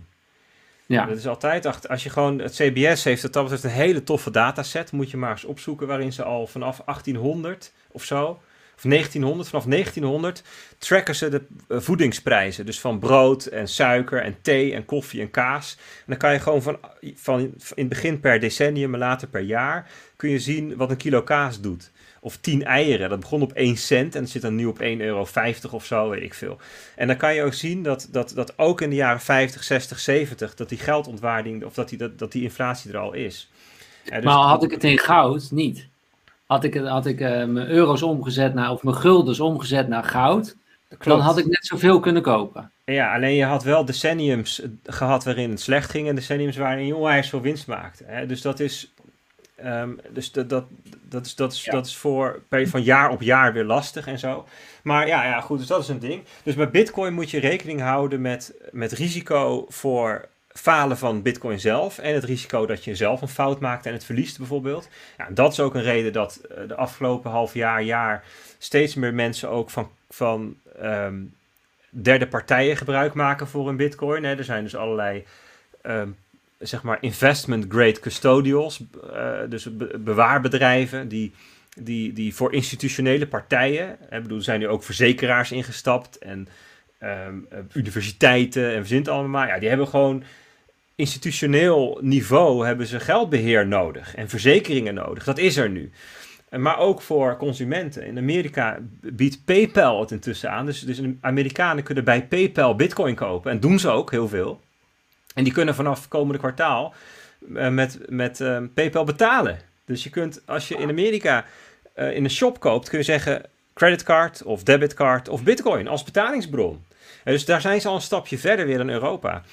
Um, alleen die Bitcoin die, die staat bij PayPal. Ze hebben natuurlijk wel die Bitcoins, die kopen ze ook daadwerkelijk in. Um, maar het risico ervan ligt bij PayPal dat ze het verliezen. Dat, dus dat is niet meer jouw risico. Maar nu is het risico geworden dat PayPal failliet kan. Dus het is altijd. Uh, ja, dus, het, dus, dus voor Bitcoin geldt in deze fase, waarin het nog heel klein is. Want laten we wel zijn, Bitcoin heeft pas een adoptie van 2% of zo van de mensen die het heeft. Ja. Het is echt, echt kinderschoenen nog. In deze fase uh, zit er risico. Dus, dus, dus um, ja, het is een kwestie van do your research. Ja, ja we zitten in, in de fase van waarin het, uh, het, de mobiele telefoon heeft gezeten. Niemand wilde de telefoon, nu kan niemand meer zonder de telefoon. Uh, in de fase van internet, wat moet je ermee? Leuk dat je een berichtje kunt sturen, maar we gebruiken gewoon briefpapier, we sturen het per post. Ja, ja. ja we kunnen nu niet meer zonder het internet. En dat is wat jij zegt, het gaat heel langzaam, heel langzaam. En in één keer, boem, zijn we er. En dan is de vraag van, hey, was je voorbereid? Ehm, eh, ben je wel of niet ingestapt? Uh, heb je gewoon je huiswerk gedaan? Weet je, je hoeft van ons absoluut niet in te stappen. Laten we dat even duidelijk zeggen. Wij hebben geen enkel belang daar, daarin. maar doe je own research. Dat is denk ik heel belangrijk. Ja, en als je het interessant vindt, ga dan gewoon even ermee experimenteren. Pak 50 euro, tientje, 100 euro. Kleine, kijk, een, een, er zijn 21 miljoen bitcoins, zei ik net al, maar die zijn op te knippen. Eén bitcoin is op te knippen in 100 miljoen stukjes. Een Satoshi heet dat. Dus 1 100 miljoenste van een bitcoin is op dit moment, even uit mijn hoofd, uh, eh, 3000 Satoshis is 1 euro. Uh, dus dat is uh, 1 eurocent is nog steeds 30 satoshis. Dus je kunt, je kunt hele kleine hoeveelheden kun, kun je spelen. Kun je oefenen, kun je kijken van hoe voelt het, vind ik het wat, past het bij me. Zo niet doe je het niet, zo wel doe je het wel. En er komt vanzelf een punt, als de hypothese waar is, dat, het, dat, het, dat iedereen er op een of andere manier aan blootgesteld gaat worden. Alleen voor de een was dat in 2014, voor de ander is het nu en voor de volgende is het misschien in 2025. Wie zal het zeggen? Ja, dus het is onwijs tof, lieve kijkers, dat jullie er al uh, bij zijn en nu al in 2021 al naar deze live show uh, luisteren. Carlo die zegt ook, ben net begonnen, een paar weken, en deelde zeer goed onderbouwde visie van BET. Zit nu op uh, 0,5 bitcoin, maar zoals gezegd net begonnen. Hey Carlo, mooie... volgende ja. keer Carlo zegt er niet bij hoeveel je hebt. Dat is namelijk um, een risico. En want stel dat, het, dat die, die 0,5 straks 10 miljoen waard wordt, dan weet iedereen dat jij dus een hal, dat jij 5 miljoen bezit. Um, dus ook, ook met Bitcoin. Kijk, Bitcoin, uh, een van de um, uh, kernwaarden is be your own bank. Hè? Dus monetaire soevereiniteit. Je, bent, je hebt je eigen verantwoordelijkheid over je eigen bezit. Maar daar komt ook bij verantwoordelijkheid voor je persoonlijke beveiliging. En dus ik, je mag best zeggen, joh, ik vind Bitcoin interessant. En uh, um, ik weet niet of dit ook in de YouTube comments komt bijvoorbeeld, maar wees naar buiten toe dus ook echt voorzichtig met uitspraken die erover doet. Ik zal ook nooit zeggen hoeveel bitcoin ik zou hebben. Ook, ik bedoel, ook, uh, ik, ik, ik ben geen whale met, en dat ben je vanaf 1000 bitcoin. En maar dan, als je, als je veel, veel vermogen hebt, ben je ook een target. Dus denk daar ook goed over na, altijd met... Um, Um, met dit soort dingen. En dat is bij Bitcoin in het bijzonder belangrijk, omdat je kunt nu wel denken: ah, het is niet zoveel geld. Maar als Bitcoin zo snel blijft groeien, dan is er straks wel veel geld. Ja, ja ik vind het een hele goede tip, uh, Bert. En uh, Carlo geeft ook aan een goede tip. Dus voor iedereen, ik denk dat dat ook een goed punt is en goed om over na te denken is. ook wel leuk van Suzanne Buis. bekijk de koersen met mijn dochters van 5, 7 en 15 jaar. Die vragen er geregeld naar. Leerzaam. Bespreken van alles over geld afgelopen uur ook weer veel goede antwoorden gekregen. Nou, onwijs tof dat je dit doet, Suzanne. En mooi dat je dit uh, samen met je kinderen doet. Ja, jij hebt ook kinderen toch, uh, Bert? Ja, klopt. Ik heb uh, drie uh, zoontjes van uh, 6, 9 en 10 jaar.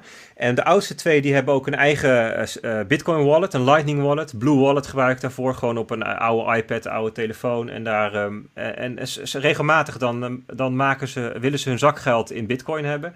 En ik ben een wisselkantoortje begonnen, dus kunnen bij mij kunnen ze euro's inleveren. En dan maken ze zelf op hun Blue Wallet een invoice. En dan, dan scan ik die QR-code en dan krijgen ze van mij satoshis voor terug. En als ze weer geld willen, euro's willen, dan kunnen ze bij mij komen en zeggen, nou, satoshis. En dan maak ik een invoice en dan krijgen ze weer euro's terug. Alleen ze willen eigenlijk die satoshis vooral houden. Dus kijk ook naar de koers. We hebben daar ook met de, met de Satoshi Radio community. Dat is een, uh, rondom Bitcoin. Uh, dat, Satoshi Radio is een Bitcoin podcast. Um, Bart Mol is daar de, de, de, de founder van. En ik schrijf het ook elke week aan. In die, in die community, dus een Telegram groep, daar hebben we... Uh, heeft een van de uh, leden die heeft um, sat.trading gemaakt. Dat is een website waar je kunt zien 1 euro is zoveel satoshis. Dat is zo simpel. Die kinderen die kijken zeggen 1 euro, 3800 satoshis. Oh, dit is een goed moment. Pap, ik wil nu een euro. en zitten zelf te kijken wat een handig moment om in te stappen. Maar het is een fantastische manier om een beetje ook erachter te komen van hoe zit het nou met sparen en met geld. En dus ja, dat is leuk. Ja, tof. Uh, dus ook uh, zeker als je Bert wil volgen. Hij heeft een hele interessante kennisplatform, lekkercryptisch.nl. En hij is ook te, te luisteren bij uh, satoshiradio.nl. Daar hebben ze een podcast. zeker de moeite waard om daar een kijkje op te nemen en te, te beluisteren. Um, ik wil nog een aantal dingen met je bespreken, Bert. Enerzijds de, de, de wereldwijde digitale munt, eventueel van de centrale banken. Uh, Be Your Own Bank, daar wil ik het toch nog eventjes over, over, over hebben met je. En nog een klein stukje blik, eh, blockchain, even kijken naar de toekomst, wat het voor ons zou kunnen betekenen, als je dat uh, goed vindt. Sure. Um, hoe, hoe, groot denk je dat de kans is dat centrale banken uh, met een uh, wereldwijde digitale munt gaan kopen? In welke fase zitten we nu? En is dat ver weg of is dat eigenlijk al heel dichtbij? Een wereldwijde digitale munt weet ik niet. Ik weet niet eens of dat ooit gaat komen. Maar een digitale munt, die kans is 100%. Dat is zeker. Dat gaat er komen. Er zijn eigenlijk alle centrale banken zijn ermee bezig. Het heet een, uh, ze noemen dat een Central Bank Digital Currency, CBDC. Of in het Nederlands digitaal centrale bankgeld. Um, China is daar heel dichtbij. Ik geloof in, in kwartaal 2 van dit jaar willen ze de digitale renminbi uh, lanceren. Um, de ECB is er ook mee bezig. Christine Lagarde geeft er regelmatig, um, uh, doet ze er wat, uh, um, uh, maakt ze filmpjes op Twitter en, en Insta en zo. En dan vertelt ze er wat over. Er zit nu, dus nu een consultatie van de markt erover. er zijn allerlei teams al mee bezig om het te bouwen en te onderzoeken, prototypes te maken. En dat is, dat is ja, bijzonder interessant. Dus wat er gaat komen is een digitale euro. En dan kun je zeggen, maar we hebben toch al digitale euro's? Namelijk bij de, bij de Rabobank. Maar het punt is dat een euro op je rekening is geen geld eigenlijk. Het is een schuld van de bank aan jou. Het is een entry in de database van de Rabobank. En als de Rabobank failliet is, is dat geld weg. Ja, dan heb je nog steeds een vordering en dan zit je in de boedel en dan moet de curator kijken of je er nog wat van terugkijkt, krijgt. Daarom hebben we um, het depositogarantiestelsel. En dat was eigenlijk was dat veel lager, hè? ik geloof 20.000 euro per persoon. En dat is in de crisis van 2008, 2009 verhoogd naar een ton. Tijdelijk, dat is een van die tijdelijke dingen. Dat is het kwartje van Kok en zo, weet je wel. De, de, de, al die tijdelijke dingen in, uh, met geld zijn altijd, die zijn altijd veel minder tijdelijk dan je denkt. Maar dat ja, is er nog. dingen vanuit de politiek zijn we wat lange ja, tijd. Ja, ja, precies. precies. En um, dat depositogarantiestelsel is er dus om, om, om mensen een klein beetje te helpen als mocht zo'n bank failliet gaan. Dat is bijvoorbeeld in Cyprus gebeurd, 2011 hè, was dat aan de hand. Banken uh, uh, die werden toen niet gebail-out, zoals in 2008 9 maar een bail-in. Dus de rekeninghouders, aandeelhouders moesten meedokken. Ja, dat, die potentie is er met banken. En dat is dus een risico, een systeemrisico. En dat is, dat is, dat is één van de paar redenen die de centrale banken nu geven. Dus het systeemrisico van uh, het contante geld, wat een steeds kleinere rol speelt in de samenleving. Hè. Um, tien jaar geleden, 2010, was twee derde van de, van de uh, toonbanktransacties was contant geld. Twee derde en een derde was pinnen. En dat was in 2019 was dat andersom. Dus twee derde was pinnen, een derde was contant. En um, met corona is dat volgens mij zelfs naar 80% gegaan. De betaalvereniging is in Nederland.nl um, is de partij in Nederland die dit allemaal bijhoudt. Die hebben pas een rapport weer gemaakt waarin ze dit keurig um, allemaal in cijfertjes en grafiekjes en dingetjes samenvatten. Ja, contant geld speelt een steeds kleinere rol. En dat vindt de centrale bank ook een risico. Want dat, dus, dus, dus, um, het, dat vinden ze een risico. Dat, dat, dat, dat, dat, dat, dat we ons 100% afhankelijk zijn van die commerciële banken. Het andere ding wat ze zien is Libra.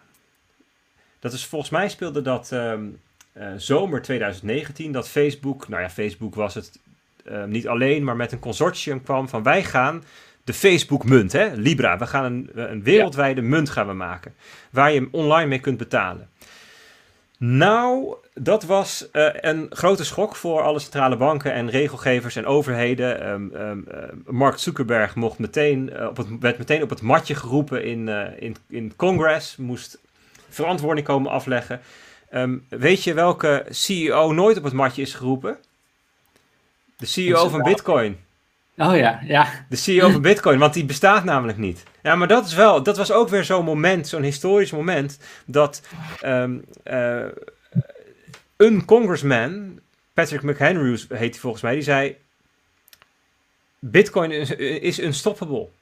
Bitcoin is een gegeven. Mark Zuckerberg, jij daarentegen, jou kunnen we wel stoppen. dus die mocht verantwoording afleggen. En ik geloof dat het um, Macron was in Frankrijk die zei: This, this cannot happen. De Libra, dat mag niet gebeuren. Nou, we zijn nu um, uh, anderhalf jaar verder en er is nog geen Libra. Het gaat wel komen waarschijnlijk. Het is gerenamed naar DM. Um, maar dat was wel een van de redenen dat centrale banken zeiden: ja, als wij het niet doen, dan doet, dan doet de big tech het. Dan gaat.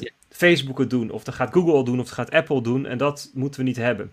Of anders doet China het. Want dan komt China met zijn digitale renminbi en dat wordt een wereldmunt. Dus het is ook een beetje onder die druk. Dat zijn de officiële argumenten. Dat zeiden, nou, we moeten naar een digitaal, digitale munt toe. Digitaal centrale, centrale bankgeld. Dus dat is eigenlijk het digitaal equivalent van cash. Eh, dus het heeft geen tegenpartijrisico. Bij een commerciële bank bijvoorbeeld. Um, het is dus ook in die zin veilig. In de zin van als een bank failliet gaat, dan je digitale euro blijft dan gewoon nog bestaan. En um, dat is wat ze allemaal aan het maken zijn. Ook de Fed en Amerika zijn ermee bezig. Dat is als burger dus wel interessant. Want ik denk dat heel veel mensen dit niet weten. Maar dat zijn de, de euro's die jij gewoon uh, cash hebt. En uh, nou ja, je brengt het niet meer zo letterlijk naar de bank iedere keer. Maar uh, je salaris die uit wordt betaald. Wat je eigenlijk cash zou kunnen hebben in je hand. Je laat dat bij de, bij de bank staan dat is dus eigenlijk is dat dus een schuld van de bank aan jou. Dus jij hebt een vordering op jouw bank. Ik ja. denk dat wie van de kijkers, wie wist dat? Wie wist dat? Dat die, dat die euro's dus eigenlijk helemaal niet meer van jou zijn. Jij brengt jouw euro's naar de bank en die worden omgezet dat ze niet meer van jou zijn, maar jij hebt een vordering op de bank.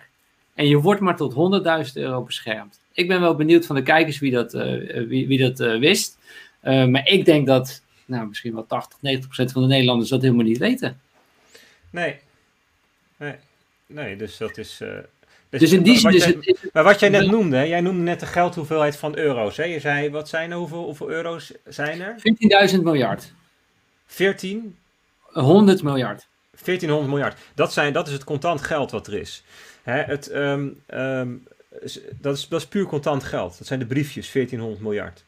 Ja, um, en dan 30 miljard aan muntjes. Ja, 30 miljard aan muntjes. Maar als je gaat kijken naar de digitale, dus zeg maar het geld, het geldhoeveelheid M2, dus dat is inclusief de banksaldi, dat is een factor 30 hoger, denk ik. Dus maar, maar 3, 4, 5 procent van het, van het eurogeld is er in fysieke vorm. De rest zijn saldi op bankrekeningen.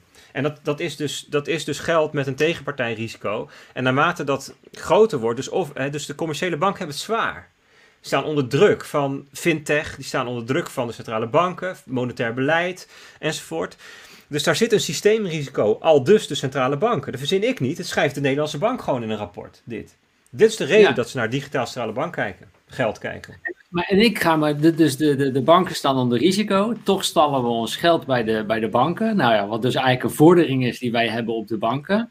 Maar ik ga me steeds meer afvragen: waarom zou ik het nog de bank, naar de bank brengen? Waar, waarom heb ik de bank daarvoor nodig? Waarom heb, waarom, wat is het bestaansrecht nog van de, van de bank? Nou, waarom kan ik niet eigen bank zijn? Nou, omdat het niet zo heel handig is om 500.000 euro onder een stoeptegel te leggen in je achtertuin. Weet je, dat is het punt. We, we, we, hebben niet zoveel alternatief. Kijk, er is een periode geweest in. in uh, er zijn een paar voorbeelden van, van Zwitserland. was een van de eerste landen waar het, de rente op 0% kwam. Dat er inderdaad gewoon bedrijven waren die bij de centrale bank voor 250 miljoen Zwitserse frank aan contanten bestelden en dat in een kluis legden. Ja, dat is niet, dat is niet wat, wat centrale banken willen. Uh, dus uh, nee, dit gebeurt niet. Nee, oké, maar wat nou als ik mijn. Uh, ik kan de euro omzetten naar bitcoins en dan heb ik inderdaad geen euro's meer. Dus dat is niet, niet helemaal eerlijk. Maar er zijn toch ook wel uh, stablecoins die gelijk staan aan, uh, aan de euro. Waardoor ik de waarde behoud van de euro. Maar dan kan ik het toch in eigen beheer bewaren. En heb ik het nodig, zet ik het even om naar euro's en betaal ik. Zou ja, ik het zo. Het probleem is dat het Nederlandse um, financiële systeem eigenlijk ontzettend goed is. Wij hebben wereldwijd gezien, um, zitten wij in de absolute top van financiële systemen. En dus, dus het hebben van een bankrekening in Nederland is hartstikke goedkoop. Het doen van betalingen in Nederland, pinbetalingen, is hartstikke goedkoop. Voor de, voor de gebruiker gratis, maar ook voor de winkelier is het helemaal niet duur. Um, het is vreselijk snel die instant payments. Ik bedoel, als, ik, als je bij een van de grote banken zit, dan heb je meteen heb je het binnen. Dus doe me zo'n tikkie, weet je wel. Je, je, stuurt iemand een tikkie en, en, en als ze een beetje snel zijn, heb je binnen een minuut heb je, je geld. Um, je kan met Apple Pay, je bent bij de slager, bliep bliep, en je hebt betaald. Dat is fantastisch. En de euro is natuurlijk op zichzelf in termen van CPI best wel stabiel. Wat is nou 1,8% inflatie? Zeg maar, zeg maar pottenpindakaas technisch gezien is het niet zo'n ramp. Maar als je gaat kijken naar landen waar dat allemaal slechter is. Dus neem Turkije, de Turkse lira. Geloof vorig jaar 15 of weet ik veel is procent aan waardeverlies ten opzichte van de spullen. Dus, hè, dus, dus, dus um, ten opzichte van dollars en euro's en spullen. Um, Venezuela, Argentinië, Nigeria. Zijn natuurlijk ontzettend veel landen. En zeker in de, ook, ook Rusland trouwens. Ook zeker, zeker met, die, um, met, met de coronacrisis. Waarin de munten snel minder waard worden waarin het financiële systeem ondermaats is. Dus mensen hebben geen toegang tot financiële systeem, tot, tot, tot bankrekeningen. Uh, het is duur, het duurt lang, het overboeken duurt een week of twee weken. Geld wordt tegengehouden, enorme transactiekosten, heel veel frictie. In dat soort landen gebruiken mensen al lang stablecoins. Het is niet voor niks dat in het afgelopen jaar um, stablecoins, dus uh, praat ik even over de crypto-dollars van op 1 januari 2020, even uit mijn hoofd, van, van 5 miljard naar aan het eind van het jaar, ik denk 30 miljard is gegaan. Dus 30 miljard wordt er al aangehouden wereldwijd in dollar, in, in, in crypto-dollars. Ja, ook in Nederland. Als jij zou, kijk, in Nederland heeft niet zoveel nut om blootgesteld te zijn aan dollars, want de euro en de dollar zitten redelijk on par. Maar stel nou dat je een munt hebt die snel afneemt in waarde ten opzichte van de dollar. Ja, in heel veel landen is dat of verboden om dan de dollar te hebben, omdat dat de eigen nationale munt ondermijnt. Of het kost ontzettend veel moeite. Probeer in Nederland maar eens een dollarrekening te openen. Ja, voor die mensen is het veel makkelijker inderdaad om stablecoins aan te houden. Dus, dus de incentives zijn in Nederland nog te laag om dit te doen. Maar er zijn landen waar dit dus gebeurt, omdat het monetaire systeem daar gewoon veel stukker is dan in Nederland. En om dit, dit voor te zijn, hè, kan ik dan nu gaan naar bijvoorbeeld een decentrale exchange, waar ik een decentrale stablecoin in de euro of in de dollar heb. Bestaat dat al helemaal? Dus dan, ja. ook al klapt een bank, dan heb ik toch nog mijn uh, stablecoin in dollars bij een decentrale exchange, dus waar niemand de baas is, dus geen CEO. Niemand kan hem eigenlijk stilleggen, denk ik ook.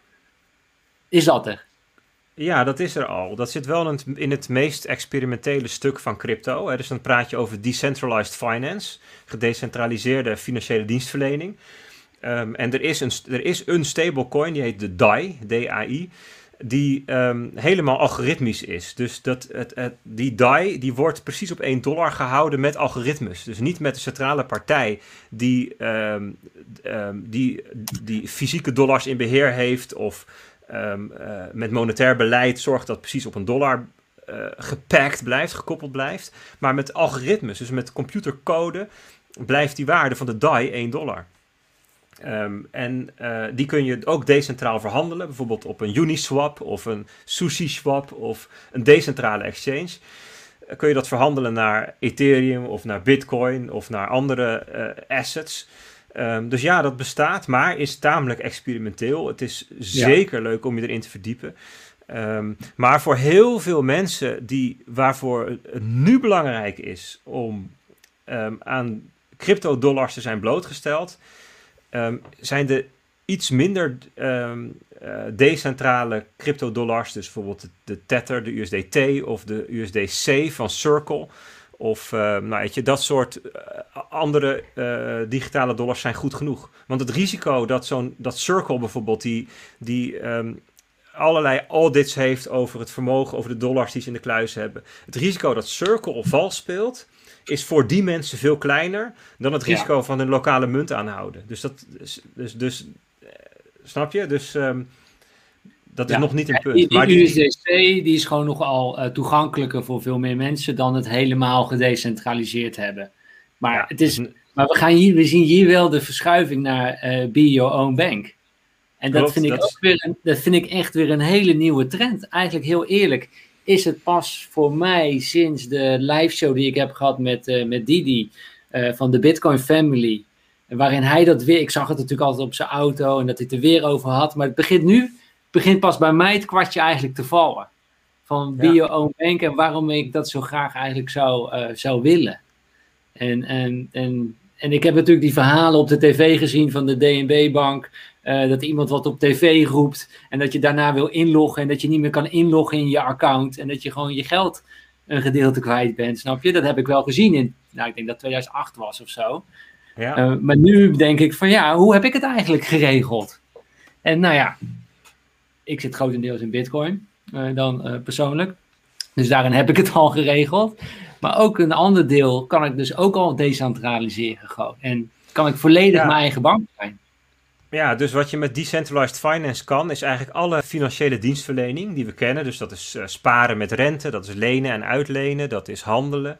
Um, maar ook verzekeren bijvoorbeeld. Allemaal dat soort zaken die worden gedecentraliseerd, worden die gebouwd. Dus zonder centrale partij. Zonder dat je hoeft te vertrouwen in een centrale partij.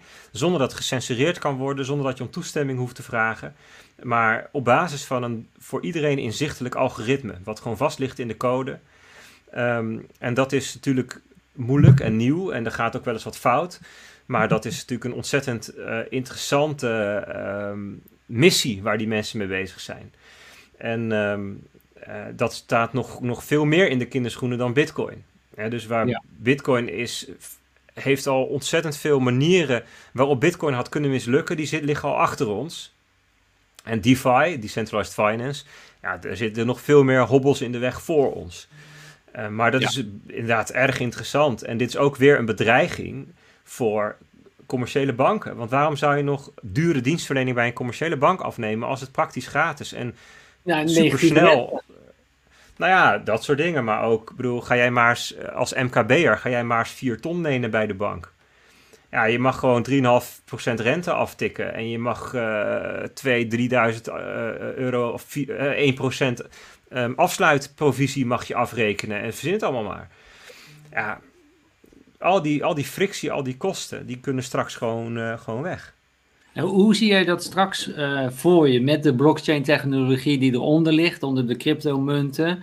Dat we, kunnen we leningen afsluiten voor je bedrijf zonder de tussenkomst van een bank. Hoe, hoe, hoe ziet dat er dan uit? Ja, dat ligt heel ver in de toekomst. Want waar je het nu over hebt is een lening zonder collateral, zonder onderpand. En wat je nu ziet is dat alle leningen die, uh, die in, de, in decentralized finance worden ge, ge, ge, gedaan, die zijn over, over collateralized, heet dat dus met een groter onderpand dan de lening.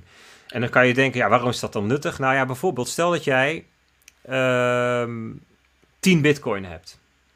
En dat is op dit moment 300.000 euro waard. En je denkt, die 10 bitcoin, die gaan in de komende jaren gaan die tien keer zoveel waard worden. Dus ik wil ze niet verkopen, maar ik wil wel een nieuwe keuken. Want mijn keuken is stuk en ik moet een nieuwe keuken. En dat kost mij uh, eh, 20.000 euro. Dan kan je die bitcoins, terwijl je ze dus gewoon in bezit houdt als onderpand geven, een lening afsluiten in euro's. En je keuken verbouwen. En ooit in de verre toekomst die lening een keertje terugbetalen als die 10 bitcoins niet 300.000 euro waard zijn, maar bijvoorbeeld 30 miljoen. En dan lach je je dood om die lening van 30.000 euro, of wat zei ik, 20. Uh, dus ja. dat is een reden. Dus mensen die nu, bit, die nu crypto hebben, dat niet willen verkopen, maar wel iets van liquiditeit willen in een andere munt, bijvoorbeeld dollars of euro's. Daar wordt het voor gebruikt al. In de toekomst zeg jij, zeg jij van, kan ik als... Dit, dit, dit gebeurt, gebeurt al. Dit dus gebeurt ja, op grote schaal. Dit gebeurt met tientallen miljarden nu. Maar ik, ik kan dus van de bitcoins die ik in bezit heb, zou ik dus, kan ik als onderpand gebruiken om bijvoorbeeld een huis te kopen. Ja. Ja, dat kan al. Dat kan, dat kan bij gecentraliseerde partijen, bijvoorbeeld BlockFi en Celsius. Het kan dus ook gedecentraliseerd, decentralized. En dan, um, ja, dan moet je Bitcoin, uh, decentralized finance, dat leeft nu hoofdzakelijk op het Ethereum-netwerk nog. En misschien blijft het ook wel, weet ik trouwens niet. Denk het wel eigenlijk, want dat is gewoon netwerkeffect. Dus dat betekent dat je bitcoins, die moet je eerst op Ethereum krijgen. Dat kan, er zijn verschillende partijen voor. Dan wordt de bitcoin getokenized, gerapt noemen ze het ook wel. En dan kun je het ja. als onderpand gebruiken voor, een, uh, voor zo'n lening, ja. En, dan krijg je zeker... een lening, daar betaal je rente over. En dat, uh, en dat ja. staat allemaal vastgelegd in de blockchain technologie. Ja, klopt. En die rente wordt ook bepaald. De rente die je krijgt, die wordt bepaald door vraag en aanbod. Dus dus er is geen centrale partij die zegt dit is de rente, maar ook de rente is een algoritme. Ja, het is, het is waanzinnig. Ja, je, dus de dus, andersom kan ik ook, ik heb uh, bitcoins en dan zeg ik van nou, ik ben bereid om dat aan uh, mensen uit te lenen, of uh, ten ja. tegen rente. Klopt. Kan, ja. Dat, maar dan, dat, ben, dan zijn geef ik dan bitcoins weg, of niet? Ja, alleen je krijgt, en de andere mensen hebben daar dus ook onderpand voor nodig. Dus er is, er is wel, maar, maar er is een risico. Dat is altijd als je dingen uitleent. En het risico, er zijn verschillende risico's. Er is risico dat, die, dat de software buggy is en dat je bitcoin pleiten raakt. Er is risico dat gehackt wordt. Er is risico dat er door grote koersschommelingen jouw tegenpartij geliquideerd moet worden en dat je daarbij inschiet. Dus er zijn risico's aan verbonden. En die risico's die worden steeds meer gemitigeerd. Bijvoorbeeld bij uh, de meeste le leenoplossingen in DeFi leen je niet tegen één tegenpartij, maar je leent uit aan een pool. En iedereen die leent, leent van de pool. Dus uh, alle leners en, leen en uitleners die worden, worden de risico's collectief gemaakt. dus er zijn pools met met 10 miljard erin, of 2 miljard erin aan vermogen. De, de, total value locked in zo'n in zo'n uh, project, in zo'n algoritme. En daar ben je dus niet echt afhankelijk van één partij waar iets mis zou gaan of iets dergelijks. Dus het, de risico's die vallen mee, um, maar zijn veel groter dan als je het gewoon in je wallet laat zitten. Ja, dus er zijn risico's aan verbonden. Maar dit, dit bestaat. Hier moet, wordt nu op grote schaal mee geëxperimenteerd. Maar dit, ik vind het fascinerend. Ik vind het geweldig. En dit is eigenlijk voor mij nog meer een reden om in de komende tijd nog meer bitcoins te verzamelen. Omdat ik gewoon bitcoins als onderpand kan gebruiken. Eigenlijk voor de dromen die ik nog heb en wat ik nog wil. Nou ja, dat ik dus even- vastgoed van kan kopen. Wat een maandelijks inkomen oplevert.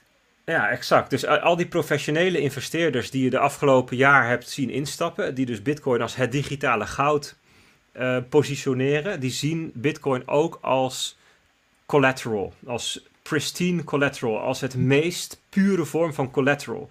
Want wat je op ehm, institutioneel niveau vaak ziet, is dat onderpand, en dat zijn bijvoorbeeld obligaties die op de balans hebt staan of aandelen, dat van dat onderpand vaak onduidelijk is wie er allemaal ehm, eh, een hypotheek op hebben, zeg maar. Wie er allemaal, waar het allemaal als onderpand voor gebruikt is.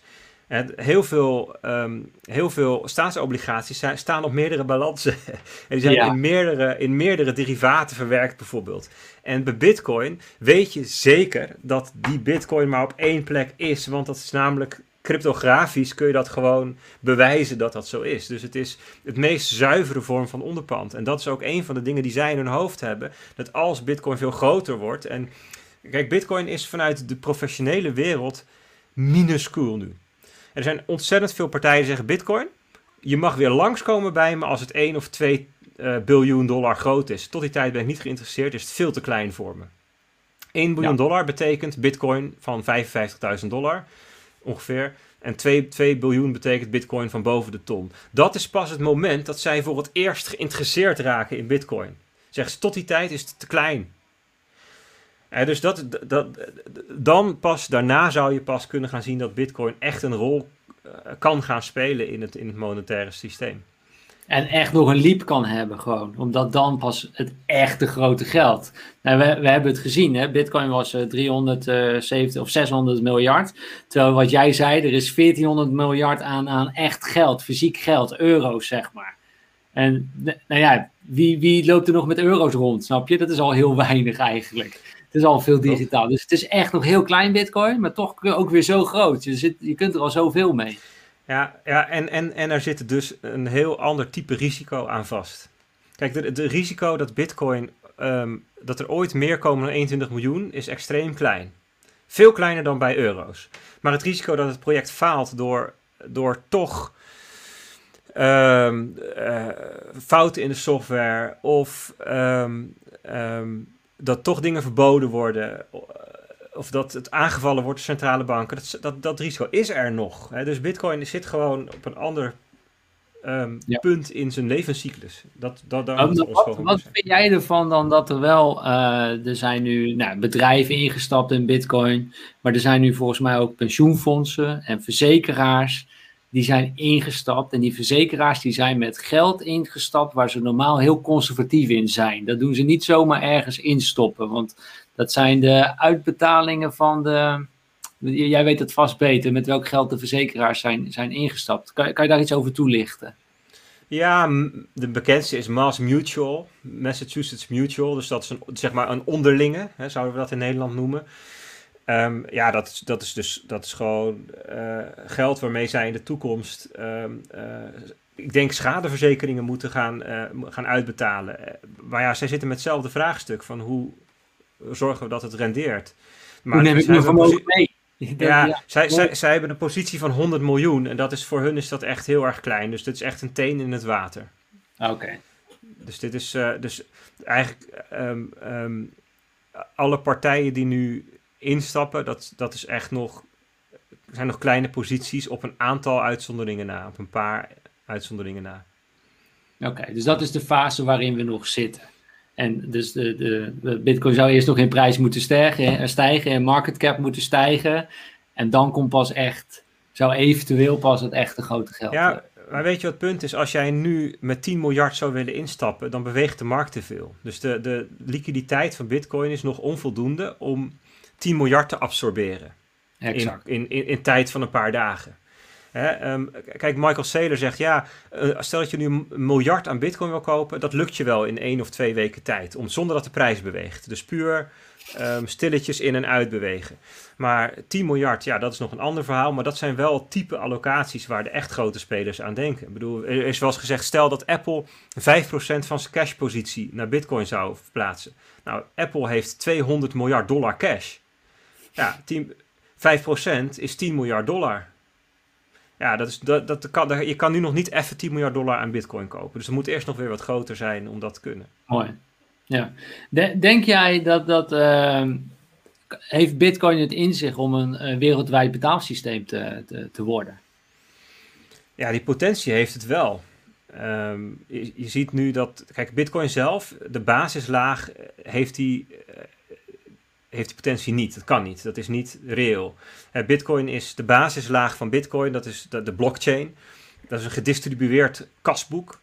Um, elke transactie die gedaan wordt, wordt erin vastgelegd en die wordt door elk van de tienduizenden computers wereldwijd die het kasboek hebben, wordt dat bewaard. Ja, daar kun je niet elke financiële transactie in de wereld mee vastleggen. Dat zijn er misschien wel honderdduizend per seconde, ik weet het niet, maar heel erg veel. Idioot veel. Uh, dus, dus de basislaag van Bitcoin geen enkele blockchain kan dit. Hè. Dat heeft niks te maken met Bitcoin. Er is geen enkele blockchain die dat, waar dat zinvol kan. Dat kan alleen maar als je toch gaat centraliseren. Dus dan krijg je gecentraliseerde oplossingen. Um, zoals uh, Ripple of BSV. Weet je, die hebben zo'n soort visie om in een blockchain-achtige structuur dingen vast te leggen. Ja, dan moet je gaan centraliseren. Dat is de enige, enige manier. Dus wil je het gedecentraliseerd houden, dan zul je dat op een tweede laag of een derde laag moeten bouwen. Nou, dat is bijvoorbeeld het Lightning-netwerk. Daarmee kun je nu voor minder dan een cent, voor een fractie van een cent uh, aan transactiekosten en binnen een seconde kun je betalingen doen.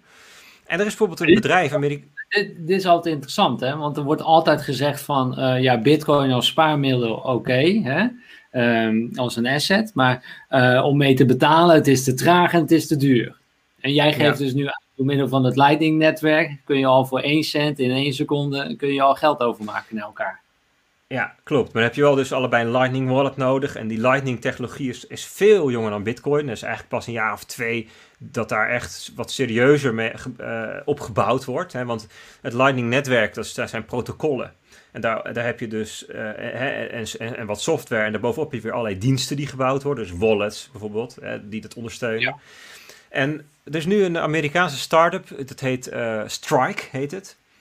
Um, en die heeft die, wat hij gaat lanceren in het komende kwartaal, is dat je wereldwijd. Um, um, oh, je hebt het er meteen bijgevonden. Ja, dit is nog. dit is nog ja, ik, ik, is, ik weet niet, is het global.strike.me? Heb je die site nu? Uh, beta.strike.me. Maar dit is dus uh, send money instantly with no fees anywhere in the world. Maar dit is nog meer euro's en dollars volgens mij. Ja, dit is, dit is uh, ik, ik, ik denk dat dit nog de um, Amerikaanse variant is. De, de global variant die komt. En wat er dan gaat gebeuren is dat he, de, zeg maar de, de, de, de beta-tests worden nu gedaan. Je kan dus, je krijgt een wallet. Je kunt daar gewoon met euro's iemand in Amerika betalen uh, uh, in die, die zijn, jouw betaling in dollars ontvangt, gratis en binnen een seconde. Dus uh, je kunt de filmpjes op internet gewoon zien waarin het wordt gedemonstreerd. Je maakt 20 euro over en iemand anders aan de andere kant van de wereld ziet um, ehm, 23 dollar binnenkomen. Boom. Met de meest, de meest gunstige wisselkoers die er is. Waarom? En zonder transactiekosten, zonder wisselkosten. Waarom? Wat gebeurt er? Op de achtergrond wordt jouw 20 dollar live omgezet in Bitcoin. Nou, Bitcoin is super liquide, dus je krijgt de meest gunstige koers die er is. Hè? En die Bitcoin wordt via het Lightning-netwerk verstuurd naar de andere kant van de wereld, waar die wordt omgezet via een lokale exchange in dollars. Wederom tegen een gunstige koers. En wordt daar in dollars op die rekening eh, zichtbaar gemaakt. Of afhankelijk van wat je wil, of via dollarsysteem op een dollarbankrekening gezet. En dat, dat, dat is dus een dit vervangt bijvoorbeeld um, uh, MoneyGram of zo, weet je, of al die, al die wereldwijde betalingsnetwerken die je hebt, waar je team... Hè? Ook wisselkantoren. Wij gingen dus- wisselkantoren. Dus, vorig jaar gingen wij naar Vietnam, hadden de Vietnamese dong hadden wij uh, nodig. Nou, ik, we zijn echt zo enorm afgezet. ja, joh, joh, ja, ja. Niet normaal, joh. Dat, dat, dat, is meer dan de CPI-inflatie. Dat was echt 20, 10%. Dat is, maar ja, die hebben geen bestaansrecht meer straks. Want wat ik bij hen ook zag, is dat je gewoon met. Uh, dan ben ik straks in Vietnam. En dan uh, moet ik daar iets betalen. Dan hebben zij op hun telefoon gewoon een QR-code. Die scan ik dan met mijn app. En er is betaald. En dan wordt mijn euro omgezet naar de Vietnamese dong. Klopt. En of, waar, bi waar Bitcoin. Ja, waar, waar wij Bitcoin als um, monetaire unit dus gebruikt wordt voor de, voor de wisselkoersen. Het is eigenlijk de, de wereldwijde Bitcoin-markt naar al die verschillende valuta toe wordt gebruikt als wisselmechanisme. En het Bitcoin Lightning-netwerk wordt gebruikt als transportmechanisme. Uh, dus die, dus, dus wat, wat Strike heeft gedaan, die hebben wereldwijd in allerlei jurisdicties hebben ze Lightning nodes opgezet. En die maken gebruik van dat netwerk. Kijk, dit is er nu nog niet. Dit is nog niet live. Het is ook nog niet bewezen. Maar dit zou straks ineens Ehm, die hele markt van internationale betalingen kunnen disrupten. Wow. Ik weet het niet of het gaat lukken. Ik weet niet hoe goed het gaat werken in de eerste kwartaal. Misschien duurt het allemaal langer. Maar zeg maar het beeld van Bitcoin heeft nul kans om ooit iets met betalingen succesvol te gaan doen. Dat beeld moeten we wel van af. Dan onderschat je hoe technologie werkt. het beeld dat Bitcoin, oké, dat kan leuk zijn als digitaal goud, maar voor betalingen zullen we iets anders moeten gaan doen. Dat beeld, ja, daarmee onderschat je hoe technologie werkt. Het, ik zeg niet dat Bitcoin eh, gaat lukken als betaalnetwerk, maar er zijn wel allerlei nou ja, aanwijzingen dat het misschien zou kunnen. En ik denk dat je met deze nuance en deze voorzichtigheid erover moet praten. Maar ja, hier wordt, hier wordt gewoon gebouwd en geïnnoveerd. En dit is maar één project en er zijn er tientallen waar mensen mee bezig zijn. We'll see. En, en waarom wordt er telkens Bitcoin gebruikt? Waarom wordt er niet er een andere cryptomunt gebruikt? waarom toch weer telkens Bitcoin? Het netwerkeffect. Netwerkeffect is idioot sterk. Waarom, waarom gebruik je Facebook? Waarom gebruik je YouTube? Waarom stream jij over YouTube? Waarom en niet over iets anders? Weet je, waarom gebruiken we WhatsApp om met elkaar te lullen? Iedereen weet dat WhatsApp, ja, de gegevens worden nu uitgewisseld met Facebook. Ja, iedereen in rep en roer, allemaal paniekdingen. En toch zit iedereen nog steeds te, Facebook, te, te, te, te, te WhatsAppen. Het netwerkeffect is zo idioot sterk. Het gaat om het netwerkeffect van mensen die Bitcoin hebben, van mensen die Um, die de software bouwen, die de, de wetgeving bouwen, dus juristen, die advieskantoren ervoor opzetten, die financiële dienstverlening eromheen maken, de, al de hodlers, iedereen die het heeft.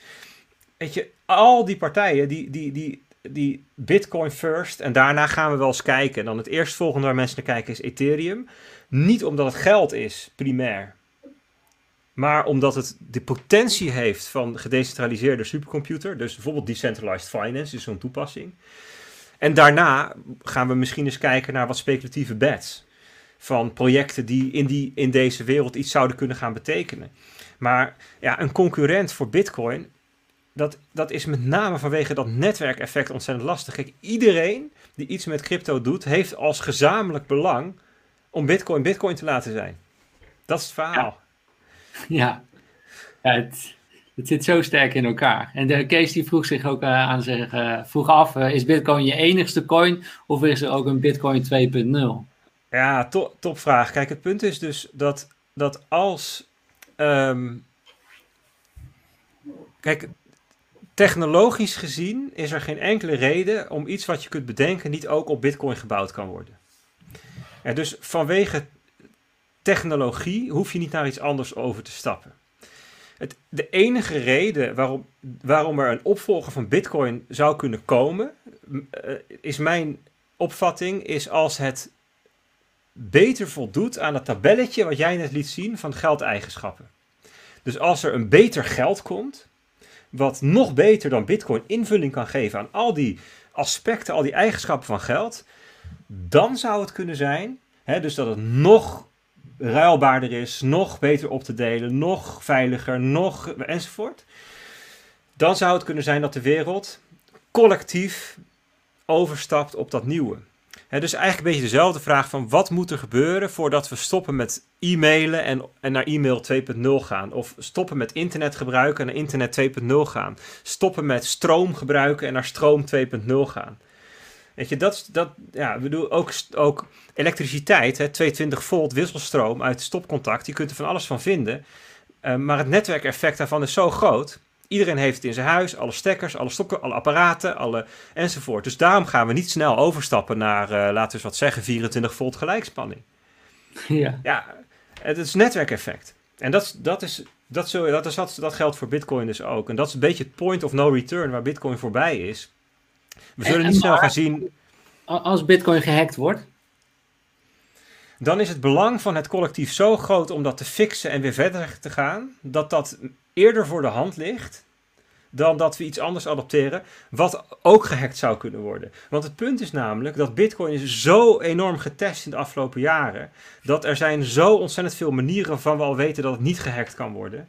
Dat voor elk, voor elk, voor elke um, alternatief geldt dat dat nog veel minder gestresstest is. Dus als er een hack is, dan hebben we, en, en we overkomen dat, hè, hoe zeg je het in het Nederlands, als we dat uh, overleven, dan hebben we weer een manier gevonden waarop het niet stuk gaat. Ja. Hoe groot denk je de kans uh, is dat Bitcoin, eh, Bitcoin gehackt wordt? Hoe, hoe, ja, Bitcoin gehackt. Kijk, de vraag is: wat, hoe kan Bitcoin gehackt worden? Hè? Kijk, je wallet kan gehackt worden. Je exchange kan gehackt worden. Hè, dus als jij um, je Bitcoin op een exchange laat staan of bij een broker, die kan gehackt worden. Daar kunnen ze iemand, kunnen ze met een. Uh, um, uh, met een truc naar binnen rijden en een geweer op. En dan kunnen ze dat afpennen. Dan is je Bitcoin weg. Dat kan. Of de exchange zelf, die gaat er vandoor. Die tweede laag op Bitcoin, hè, de, je handige wallet, je handige applicatie, die kan gehackt worden. Maar, ja, maar Bitcoin, Bitcoin zelf ja, ja dat, dat wordt steeds lastiger. Kijk, um, een van die dingen is een 51% aanval. Hè? Dat is een technische aanval die je kunt doen op Bitcoin. Als je namelijk meer dan 51% van de rekenkracht uh, controleert, beheerst, dan kun je, kun je Bitcoin, dan kun je uh, de Bitcoin grootboek kun je, zou je kunnen beïnvloeden of herschrijven. Ja, dat is dus zo ontzettend veel rekenkracht wereldwijd. Het is ondenkbaar dat je even 51% van die rekenkracht in handen krijgt. Ja, dat soort, dus kijk, bijna alle aanvallen die je kunt bedenken, um, worden eigenlijk met het jaar moeilijker.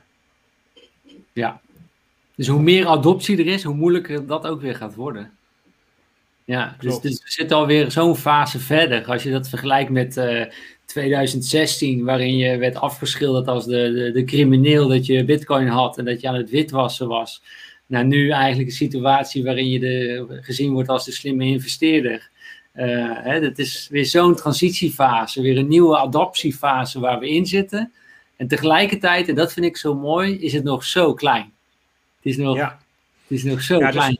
Dus, dus, we weten ook echt niet precies hoe het er over tien jaar uitziet. Kijk, uh, JWB die zegt in de chat: het is niet de vraag of je gehackt wordt, maar wanneer. Ja, daar is dat, ik, ik begrijp wat hij daarmee bedoelt. Um, um, er is geen 100% zekerheid dat iedereen op de wereld ooit een keer gehackt gaat worden. Maar ik begrijp wel uh, de manier van hoe, hoe die ernaar kijkt. En ik kan me dus ook voorstellen dat op termijn een flink deel van de mensen ook een Bitcoin-oplossing heeft. Waarbij een derde partij je helpt om um, het veilig te houden. er zijn wel derde partijen die dat nu doen, die, die, die je helpen. Dus zonder dat je zonder dat zij er iets mee kunnen, maar jou wel helpen dat als je je hardware wallet kwijtraakt, dat je het weer kunt herstellen. Maar ook in het Bitcoin protocol worden nu dingen gebouwd. Dat je bijvoorbeeld bepaalde bitcoins. kijk, bitcoins kun je ehm, eh, op een bepaalde manier um, versleutelen. Je kunt eigenlijk bij een bitcoin kun je eigenlijk opgeven hoe die besteed mag worden. Dat is hoe het technisch gezien werkt.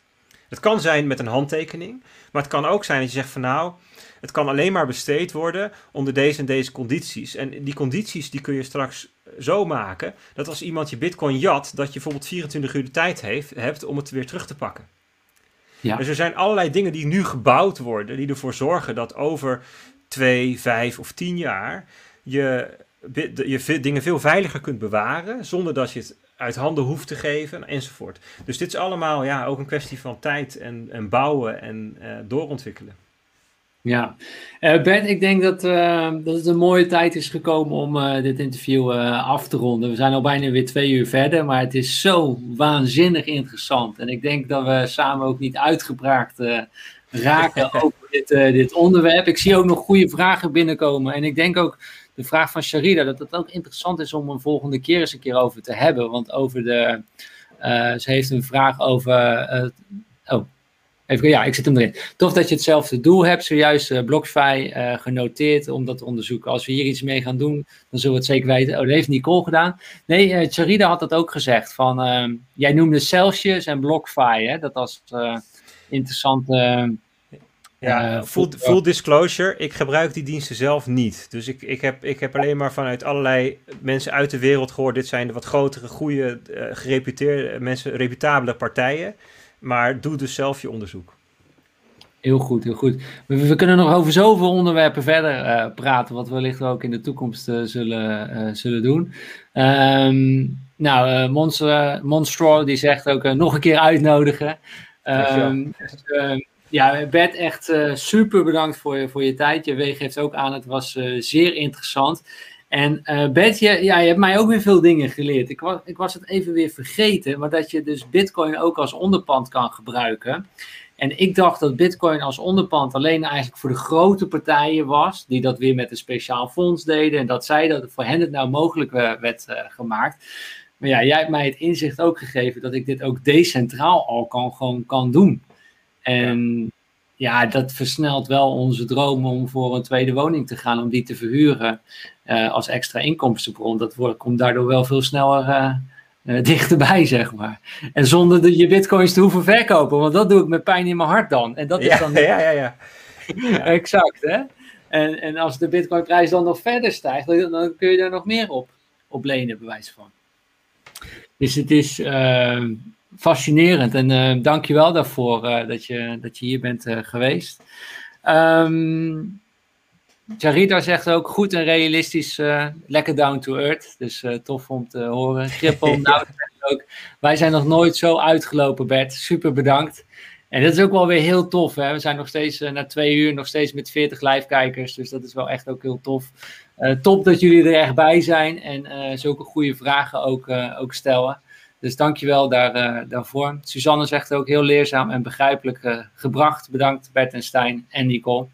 Uh, Bert, ik wil jou graag iets, iets aanbieden. En dat ga ik eventjes erbij pakken. Als vriend van de show wil ik jou graag, en dat is het volgende, wil ik graag jou een t-shirt aanbieden. Het Follow Your Wind t-shirt wil ik jou graag aanbieden. En we hebben twee, voor de mannen twee types. Dat is één het sport t-shirt met Mission Possible. En het alledagelijkse t-shirt uh, Follow Your Wind. Uh, aan jou de, de keuze die je graag uh, thuis wilt ontvangen. Leuk. Ja, Mission Possible natuurlijk. Ja, die is leuk. Mission Possible. Mooi. Dan ga ik die na de live show naar jou, naar jou opsturen. Um, nogmaals super bedankt voor iedereen. weet dat je ook de Bitcoin videohandleiding gewoon kunt, kunt downloaden. followyourwind.com slash gratis koppelteken BVH. Um, we hebben alles ook in Jip en Janneke taal uitgelegd over wat is Bitcoin, waar kopen wij het, waar bewaren we het, uh, hoe kun je rente ontvangen en kun je zelf al je onderzoek uh, doen. Ik denk dat het gewoon een hele handige handleiding is uh, voor jezelf om ja, je eigen research te doen en je eigen pad te gaan kiezen in het Bitcoin avontuur. dus download die zeker gratis, followyourwind.com slash gratis koppelteken BVH. Uh, volgende week hebben we weer een nieuwe live show. Waar gaan we het over hebben? Vrijdag 5 februari. We gaan het hebben over. Ja, ik vind dat dingen vanuit alle kanten belicht moeten worden. Dus we gaan het hebben over investeren in goud. En uh, daar heb ik iemand voor uitgenodigd, uh, Marleen Everts van Cold Republic. Um, nou ja, bij hen kan je dus goud kopen. Je kunt het opslaan, het goud bij hen. En dat kan al vanaf 50 euro per maand. Um, nou, we gaan het hebben over waarom investeren in goud, wat bepaalt de goudprijs, uh, welk rendement levert goud je historisch gezien uh, op, wat is slimmer, fysiek goud of papieren goud, uh, hoe goud als onderpand gebruiken voor bijvoorbeeld vastgoed, dat kan je ook als onderpand gebruiken, hoe wordt goud belast. Nou, we gaan helemaal duiken in het thema van, van goud en ik wil dat toch ook eens onderzoeken. En uh, ben zelf ook altijd voorstander van, uh, van spreiding. Dus ik denk dat het uh, geen kwaad kan om daar eens goed onderzoek naar te doen. En daarom is Marleen bij ons te gast. We hopen dat jullie dat weer een leuke spreekster vinden. Laat het even weten in de chat of je de volgende week ook weer bij bent. Dat is dus vrijdag 5 februari om 12 uur. gaan we het hebben over investeren in goud. Eens even kijken. hey, tof Mark een van onze sprekers, die is er ook bij geweest. Mark Zoons, uh, mooi, helder verhaal geeft hij uh, aan. Arthur geeft nog aan, interessant. Carlo, dankjewel heren. En Nout die zegt, fijn weekend, weet. Nou, ik denk ook wel een beetje aan ons, Robert. Dus uh, Nout uh, kennende. Ik zou zeggen, iedereen een heel fijn weekend. blijf nog even hangen, Bert. En tot de volgende week weer, iedereen. Ciao, ciao.